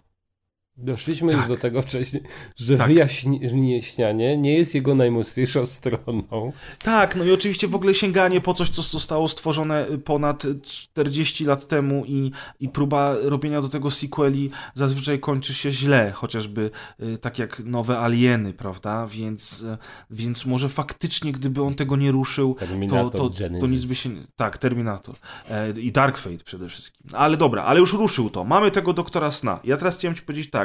Mi się strasznie podobał audiobook. E, Ja tą, ta, ta, ta rozkmina o, o alkoholizmie, wszystkie wątki, które są poruszone w tej książce na ten temat, różne wnioski, niewnioski, to było naprawdę ciekawe. Do tego w sumie to przygody da, dana, danego jako dorosłego człowieka, to wszystko, co się dzieje w tej książce, e, było na tyle ciekawe, że, że oczywiście King mnie wciągnął i oczywiście w drugiej połowie tej książki już to napięcie zaczyna spadać, zaczyna się robić rozwiązanie akcji, które jest takie sobie. A on faktycznie jest taki sobie, natomiast Ale przypomnij mi tylko jedną rzecz, bo teraz już tak y, mam trochę jak przez mgłę.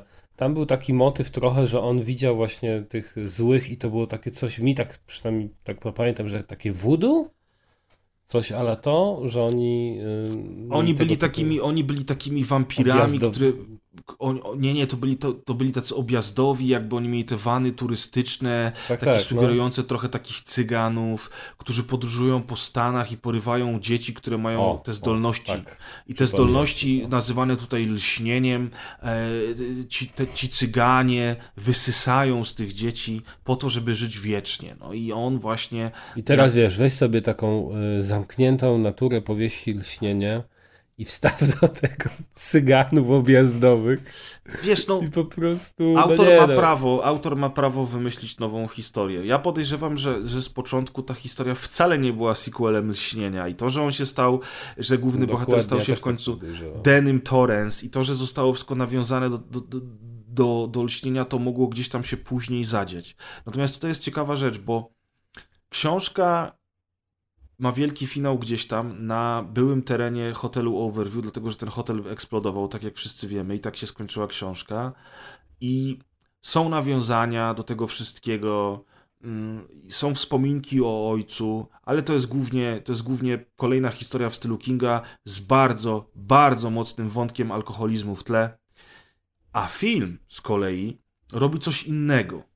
Twórca filmu, pan, który nazywa się Mike Flanagan i którego zresztą Stephen King bardzo chwalił i powiedział, że Doktor Sen mu się bardzo podoba jako, jako ekranizacja, postanowił połączyć jedno i drugie i robi sequel, który jest bezpośrednim sequelem filmu Kubricka, bo tak jak u Kubricka, tutaj hotel nadal stoi, ojciec nigdy nie miał okazji zrekompensować tego, co zrobił, więc zmarł jako, jako zły, a nie jako facet, który odkupił swoje winy. No i syn oczywiście dorosły alkoholik, spotyka tą samą dziewczynkę, której próbuje pomóc. Są ci źli kosmiczni cyganie, którzy wysysają lśnienie z dzieci. Całość z grubsza jest taka sama. Natomiast e, pod koniec e, filmu wielki finał jest zupełnie inny, moim zdaniem dużo lepszy bo dzieje się w hotelu, gdzie, żeby pokonać y, tą główną przeciwniczkę, Deny wykorzystuje duchy, które trzyma w sobie, czyli te duchy z hotelu Overview, które prześladowa prześladowały go całe życie, dopóki nie nauczył się, jak je kontrolować. I on te duchy na nią wypuszcza w tym hotelu i tak naprawdę wypuszcza hotel na nią, żeby, żeby ją pokonać, bo inaczej nie ma szans, żeby z nią wygrać. W książce to było zrobione inaczej. W książce on e, wessał w siebie, i to jest głupie, raka umierającej staruszki, tego raka w, ledwo przeżył, ale wtrzymał w sobie tak długo, dopóki nie doszło do finalnego starcia i na koniec tego raka wypluł na tą, na tą laskę, pokonując ją. E, ale tam był happy end w tej książce. Natomiast w filmie happy endu nie ma, bo twórca filmu postanowił odkupić winy ojca czynami syna. Mhm. I i film Doktor Sen kończy się tak, jak się kończy książka Lśnienie. To znaczy, piec wybucha ni stąd, ni zowąd, i zanim on wybucha, no to Denny biegnie powstrzymać go na tyle, na ile może, żeby jego przyjaciółka, ta dziewczynka, której on pomaga, e, była w stanie uciec. I Denny ginie w eksplodującym hotelu, na końcu jest duchem, co w książce jest nieprawdą. Denny przeżywa całą historię i żyje sobie dalej w szczęściu. I to jest takie. Hmm, z jednej strony spoko, bo, on, bo twórca filmu w ten sposób zamyka klamrę i łączy swój film razem z lśnieniem i na pewno znawcy filmowi powiedzieliby, że to jest fajny, fajny zabieg i w ogóle i w szczególe, ale, ale do mnie on nie przemówił. Uważam, że niepotrzebna była śmierć syna po to, żeby on zginął tak, jak powinien był zginąć jego ojciec, który nie, tego nie zrobił, bo nie był w stanie powstrzymać tego zła, którego opętało, powiedzmy w ten sposób. I to mi się... Funduszy zabrakło na wybuch. I to mi się nie, nie spodobało, wiesz? Nie spodobało, możliwe, że funduszy zabrakło wtedy, chociaż wiesz, wtedy to robili lepsze makiety niż teraz robią efekty specjalne i potrafili, no, wiesz, potrafili zrobić takie sceny. Dokładnie, więc nie, nie byłbym taki pewien, czy to była kwestia funduszy. Więc taka jest klamra. Ale powiem ci jeszcze jedną rzecz, która mi się bardzo nie spodobała w Doktorze Sen znowu niepotrzebna śmierć na ekranie, gdzie w, w, książce ci bohaterowie, bo tam jest ich kilku i oni się skrzykują do kupy, żeby pokonać tych złych cyganów i w ogóle. Natomiast w, w filmie jest ten doktor, który, który zgubił zegarek i któremu Denny mówi, gdzie ten zegarek zostawił w szpitalu, nie wiem czy pamiętasz. E, ten doktor się w filmie pojawia dosłownie na jedną scenę. On jest tym gościem, który prowadzi spotkania anonimowych alkoholików, natomiast on potem w ogóle się w filmie nie pokazuje. Ze wszystkich postaci, które pomagały Denemu jest tylko Billy Freeman, którego zresztą, którego gra zresztą Cliff Curtis. Uwielbiam Cliffa Curtisa, jest świetnym gościem i i oczywiście Billy ginie. I oczywiście Billy musi zginąć, bo, bo, chociaż w książce nie ginie, we dwójkę w ogóle pokonują tych wszystkich cyganów po kolei, co zresztą w książce też było w taki sposób napisane, że oni w sumie wzięli pistolety, wzięli strzelby i wszystkich rozpierdolili, co było dosyć zabawne, bo wiesz, przez całą książkę ci mówią źli cyganie, uważaj, na końcu oni mówią, panowie, bierzemy pistolety, rozprawimy się z nimi jak po prawdziwi Amerykanie. Dokładnie, dokładnie tak. Natomiast właśnie nagle w książce, w filmie ktoś uznał, że jeden, jeden pomocnik głównego bohatera będzie wystarczający i musi ten pomocnik oczywiście zginąć, e, plus tam są jeszcze też jakieś takie zmiany niepotrzebne, a, ojciec dziewczynki też ginie, on też przecież nie zginął w książce, to też jest druga śmierć zupełnie niepotrzebna, więc takie znowu mamy to, o czym mówiliśmy przy, przy, okazji pana Mercedesa, że ci filmowcy to nawet jak mają, próbują być wierni oryginałowi, to oni jednak muszą podkręcić śrubę, bo według nich tak będzie lepiej. A ja mam niestety problem taki, że jeżeli ja przeczytałem książkę i potem oglądam ekranizację, to to wolałbym, żeby ona była wierna oryginałowi, chociaż wiem, że tak wcale być nie musi, ale nic na to nie poradzę. O, nawet Dick jest, widzę. Nie pamiętam, czy on był w książce, ale jest w filmie tak patrzę, czyli ten kucharz z Był w książce. Oczywiście, że był w książce. Był, on też w ogóle miał tak? dużo, dużo ważniejszą A, rolę to widzisz, w książce. to już mało pamiętam. Niż, niż w filmie. Okazuje, że... I ogólnie, jeżeli mam być szczery, to powiem ci szczerze, że Książka Doktor Sen moim zdaniem była spoko właśnie przez pierwszą połowę, tak jak zawsze u Kinga, no niestety to już jest standard, i przez te rozkminy alkoholowe, które moim zdaniem są świetnie napisane, z wyczuciem, e, bardzo ciekawe i takie empatyczne, bardzo empatyczne, no widać, że King wie o czym mówi po prostu. Mm, A film, film był ok. Ja obejrzałem wersję reżyserską, tą trzygodzinną. Ona nie była w kinach. E, Dopiero na VOD można obejrzeć wersję reżyserską. I, I nie wiem, kurczę, czy mi się ten film podobał. No niby Ewan McGregor gra główną rolę, ja go bardzo lubię, on fajnie zagrał, ale Znowu nawiązanie do Jedi. Jedi. czemu do Jedi? Ach, no, No tak, no grał. tak, Obi-Wan Kenobi, oczywiście. Natomiast tak to jest, widzicie, słuchajcie, no są te Znaczy zmiany, nie, są no te... grał tego, nie? Qui-Gon Obi... Jina? Nie, no Obi-Wan Kenobi. Sorry, tak, Obi-Wan Kenobi. Kenobi. No. No są te zmiany takie, kurcze, wiecie, no... Ja, dużo jest jeszcze zmian w ogóle, jeżeli chodzi o postaci, o pewne zależności i tak samo było w Panu Mercedesie, też tak jest w, e, w Doktorze Sne, Śnie, zwłaszcza z tą dziewczynką i w ogóle z powiąza- powiązaniami między jej rodziną a Denym, ale już nie będę się w to zagłębiał, odkryjcie to sami w książce, bo film tego nie, w ogóle nie rusza. Nie będę komentował pewnych zmian, bo znowu wyjdzie, że jestem rasistą. To nie jest rasizm, tylko tak jak już powiedziałem, no ja jestem przyzwyczajony do pewnych postaci, przyzwyczajony do pewnych kreacji, potem jak to zamieniają, to, to mnie to po prostu rzuca mi się to w oczy, tak samo jakby mi ktoś w najnowszym sezonie Lutera zamienił Idrisa Elbę, nie wiem, na, na tego, Daniela Craiga na przykład. To też by mi to nie pasowało. Pattisona. Albo na Pattisona, tak. O, nowy Batman, ale fajny będzie ten Pattison. Widziałeś ten Batmobil w ogóle? Czy oni jaja se ze mnie robią? Oni, Bat, wiesz, ostatnia dobra chyba kreacja w Bat, Batmobilu to była w 90 latach, no. No, bez kitu, Niestety- wiedział. Jest przesada z tym, ale to w całym kinie jest przesada ostatnio, więc... To jest, to jest temat na, na odcinek o Batmanie. Słuchajcie, tutaj głównie skoncentrowaliśmy się na, na Wiedźminie po raz kolejny i na, na tych książkach Stephena Kinga. Mam nadzieję, że sięgniecie po książki albo po, po ich ekranizację. A E, tymczasem Kinga mamy coś ja na koniec, nie? polecił. No? E, A, tak, przepraszam, zaraz chcesz coś jeszcze- polecić? Tak, znaczy nie, je- jeżeli chodzi o Kinga, to mamy dwa rodzaje powieści, jeżeli ktoś po to nie sięgał. E, Dla mnie zawsze największą jego zaletą, znaczy największymi jego mm, dziełami, które mi się najbardziej podobały, były te, w których on przedstawia właśnie senne życie miasteczka małego i Tak, tak. wszystkich pokręconych e, mieszkańców. I na przykład y, zarówno Doktor Seniak i Lśnienie nie są tego typu powieściami. E, One są zupełnie inne. Tutaj, tak jak Presty wspomniałeś, jest też motyw alkoholizmu i pisarstwa, co też Tak. są dwa kolejne motywy. Zawsze musi być pisarz, alkoholik jakiś i często ten sam i małe miasteczko. I w sumie chyba e, z tych, co ja pamiętam, tak najlepiej odzwierciedlają te wszystkie elementy, na przykład miasteczko Salem, bo też tam alkoholizmu chyba nie było. Też e, miasteczko odzwierciedla fajnie sklepik z marzeniami. E, To, w ogóle dla mnie to, to jest chyba najlepszy King. E, Lśnienie Serio? jest zupełnie inną To powieścią. ciekawe. E, ale jest e, też bardzo dobra.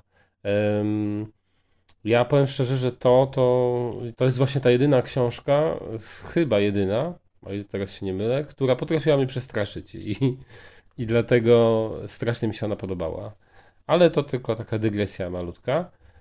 W każdym razie polecamy mm, Kinga, bo on naprawdę, jeżeli jak nie wchodzi w wyjaśnianie, to potrafi świetnie budować klimat swoich y, opowiadań, powieści, bo przecież opowiadania też miał dobre.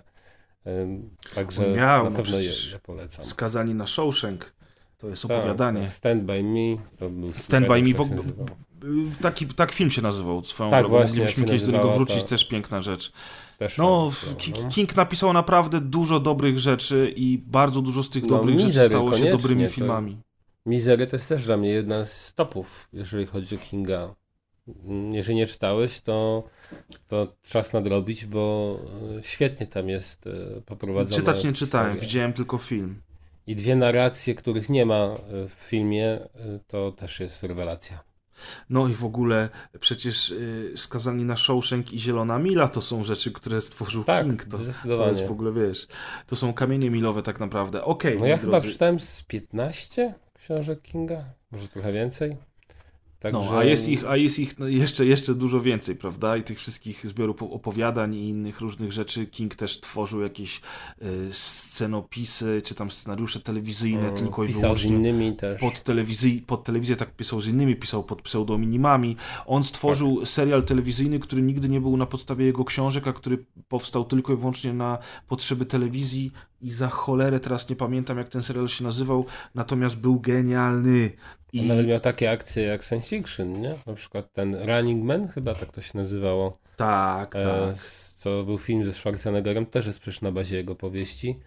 Em, też oczywiście wszystkie są wydane chyba w Polsce, więc łatwo dostępne. Jedna była taka powieść, którą King napisał i czy opowiadanie, przypomnij mi, które nie zostało, które zostało wycofane z nakładu i którego nie znajdziemy w polskiej dystrybucji. Nie Tam kojarzę, chyba szczerze było masakrze w szkole, co- coś w tym stylu, że on stwierdził, że jednak tego nie, to mu się tak nie podoba i, i, i do dziś pewnie ciężko to znaleźć. W necie tylko można gdzieś poczytać i to tyle. No w każdym razie polecamy. Ja, pole, ja polecam bardzo, bo, bo sam czytałem dużo i lubię Kinga. Ale No to tak. też jest y, autor, który ma powtarzalność pewną. To już powiedzieliśmy o tych motywach. No Ma. i też niestety dla wielu osób to są często grube książki. Czyli zajmują naprawdę sporo czasu, żeby No przez nie tak, no, one mają po tysiąc stron bardzo często. Jeżeli ja bym Hmm. mógł polecić coś z, tak szybko z głowy, jeżeli chodzi o Kinga, z takich rzeczy, które nie są, że tak powiem, w pierwszej lidze jego twórczości, czy nie są tak bardzo znane, to na pewno powieść Ręka Mistrza. I to jest Spoko świetna jest. rzecz. To kiedyś chyba Tak? nawet omawiałem na rozgrywce ją. I też ten serial telewizyjny, czy też film telewizyjny, bo on się składa z kilku odcinków i to jest zamknięta całość. To nie jest coś, co powstało na podstawie jego książek, tylko to jest coś, co on napisał dla telewizji. To się nazywa Sztorm Stulecia i jest to świetne dzieło telewizyjne. Jeżeli będziecie mieli okazję, to koniecznie musicie to obejrzeć. Ty, Kaz, widziałeś? Yy, Kurczę, coś mi się kojarzy, ale to nie jest coś takiego, że on wydał to później w formie scenariusza? Coś w tym stylu? Na pewno nie było książki ani opowiadania. To jestem pewien. Aha, A, bo- kurczę, jeszcze Mgła Stephena Kinga przecież. Tak, Mgła I, też i Mgła jest no. opowiadaniem, natomiast film na podstawie tej książki Mhm. moim zdaniem jest rewelacyjny i on niestety nie został dobrze odebrany, No czy tak nie został 12 doceniony. lat temu powstał, nie? Czy No, on 15? już, on już swoje lata ma i to zakończenie, które jest w filmie, o panie. Potem Ja próbowano zrobić serial. Potem próbowano zrobić serial, powstał jeden sezon i niestety serial anulowano, więc ja się za ten serial nigdy nie zabrałem, bo szkoda mi czasu na seriale, które są przerwane. Ja Castle Rock się zabrałem, jakoś też mnie troszeczkę odrzucił po pewnym czasie. Castle Rock to jest ten serial HBO, w którym przeplatają się wszystkie wątki i postaci z jego książek, prawda? To jest coś takiego? Nie wiem, czy wszystkie post- Tak, są postacie, które na Że to przykład jest takie jego Alan uniwersum- Pagbone, No właśnie, ten nie? szeryf, który jest częstym e, bohaterem jego powieści. Tak, e, przeplatają się, ale jakoś, no, nie wiem, no po prostu ten serial ob- obejrzałem, początkowo mi się podobał, ale później coraz bardziej zaczął tracić fabularnie według mnie i zwyczajnie go przerwałem. No ja nie, nie miałem Także- okazji w ogóle. Także No. tak ym, nie mógłbym go wszystkim polecić, ale ale mam serial, który mógłbym polecić wszystkim. E, I ten serial, nie wiem czy to widziałeś czy nie, ale jeżeli nie widziałeś, to musisz nadrobić. Nazywa się Barry. E, Czyli Barry. Okej. I ten serial Barry jest na HBO Go e, i jest znakomity. Samo w, w ogóle od razu zakochałem się w tym serialu, kiedy, za, kiedy widziałem już w poprzednim roku. E, widziałem czy chyba dwa nawet lata temu. E, sam zwiastun. Nie wiedziałem, nie słyszałem nigdy o nim wcześniej. Zobaczyłem zwiastun akurat właśnie na HBO Go i od razu wiedziałem, że muszę to zobaczyć. Em, obecnie mamy dwa sezony, każdy po 8 odcinków. Te odcinki są mniej więcej po pół godziny, więc łatwo nadrobić. To jest serial, słuchaj, o weteranie wojny e, w chyba Iraku, który nie potrafi sobie do końca poradzić z własnym życiem po tym, jak kończy się wojna. I kolega jego taty organizuje mu nową fuchę. Aha. I ta fucha, w której on jest faktycznie dobry i która e, troszeczkę spełnia też taką tę lukę w jego życiu, e, ma jakby sens, nabiera trochę sensu jego życie, to zabijanie innych ludzi. O, E, Barry Ale to nie jest w ogóle główny motyw. Barry y, mm, W sensie, że jest płatnym zabójcą. Jest płatnym zabójcą. Sam troszeczkę ma takie myślenie, że no jest tym zabójcą jakby tych złych ludzi. I to jest takie trochę dla niego budujące, że to są raczej te szuje, ci przestępcy, także nikomu ich nie szkoda. I y, taki, sta, taki standardzik chyba często filmowy, ale to, co jest wyjątkowe, to nasz Bary dostaje w pierwszym odcinku już zlecenie na zabicie kochanka em, mafioza gru, gruzińskiego, czeczeńskiego. Kochanka, e, kochanka żony, nie? Żona tego Gruzina ma kochanka i on go ma zabić.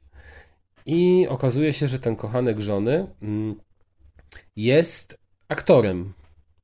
I w pewnym momencie Barry go śledzi i widzi, że on wchodzi gdzieś do budynku. I nie wie w sumie, y, dlaczego tak długo go nie ma. Postanawia wysiąść ze swojego auta, wejść do budynku. I nagle się okazuje, że stoi, a tam masz taką scenę, jakby takie, mm, taką małą scenę e, aktorską z trybunami i e, parę osób odgrywa, odgrywa ja- jakąś fabułę.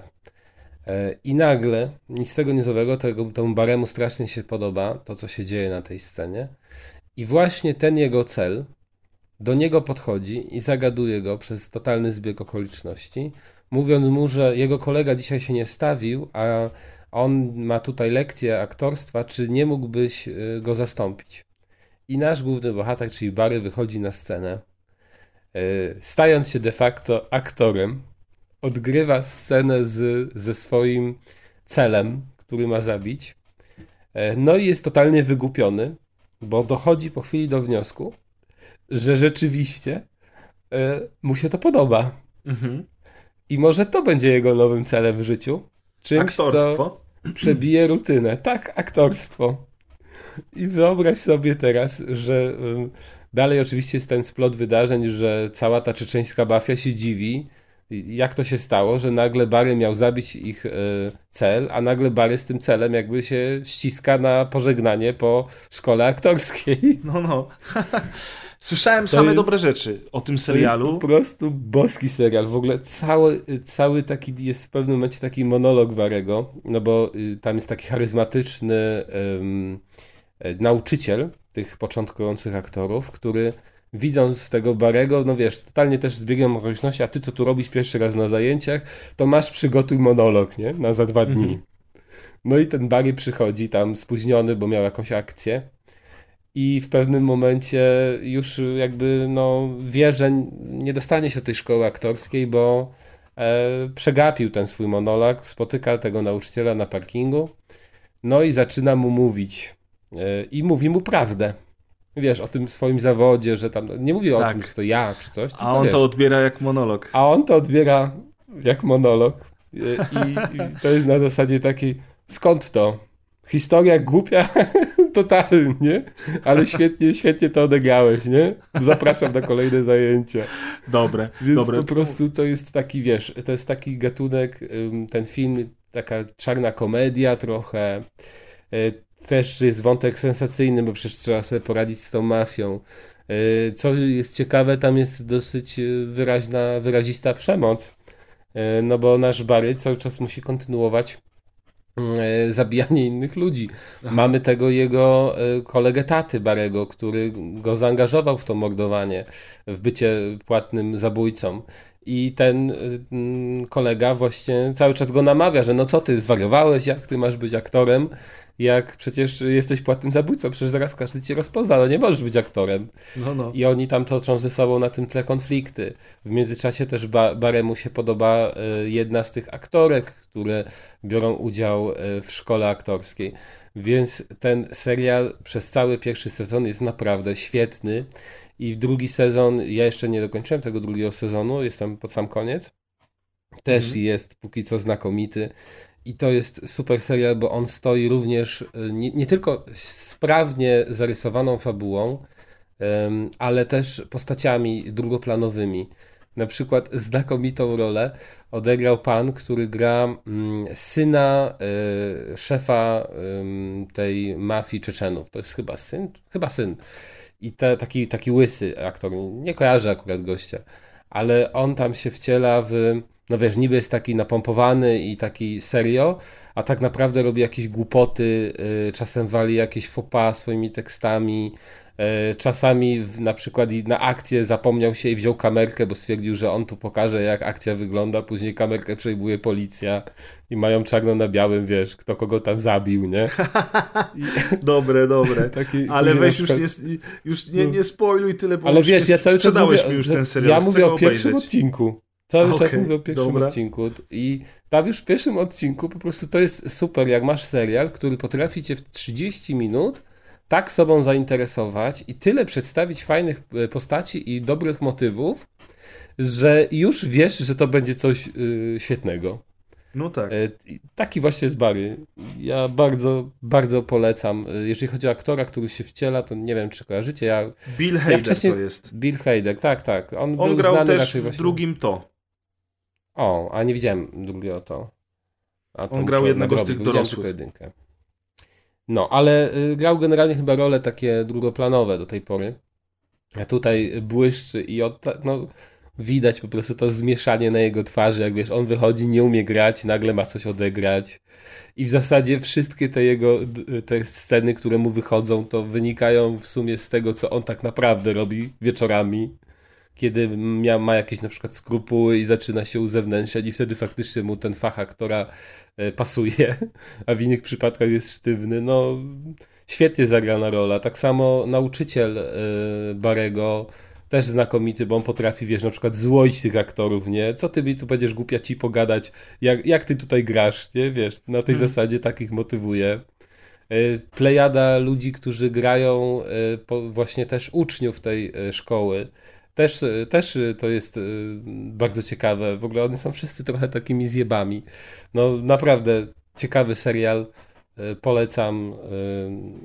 Rzadko się coś takiego zdarza. Ja nie przypominam sobie podobnego. Więc jeżeli nie mieliście Chętnie, okazji. chętnie to sprawdzę. Ja na pewno za, za to się zabiorę, bo to brzmi ciekawie, a już y, widziałem w internecie gdzieś pochlebne opinie i teraz ty mi sprzedałeś ten serial swoim Tak, y, on jest, ma znakomite opinią. opinie. On tam chyba ma nawet, nie wiem czy nie 8,6 na IMDB, jeżeli chodzi o takie opinie mm, właśnie ludzi. Także naprawdę jest to chwalony, chwalona rzecz i słusznie. No to elegancko. Kaz, dziękuję ci ślicznie za dzisiejsze spotkanie. Dziękuję mam nadzieję, również. że mam nadzieję, że dokładka podobała się e, słuchaczom równie mocno, jak podobała się nam. Usłyszymy się w dokładce numer 10. Tym razem po- podejrzewam, że już będziemy pamiętać, który to jest numer odcinka. E, I do usłyszenia w takim razie. Do usłyszenia. Usłyszymy się do usłyszenia. Taki wiecie, taki trochę słabe zakończenie jak u Stephena Kinga. O. Dokładnie. You are a wealth of information. But did you know this? A person can truly go fuck himself if he puts his mind to it right.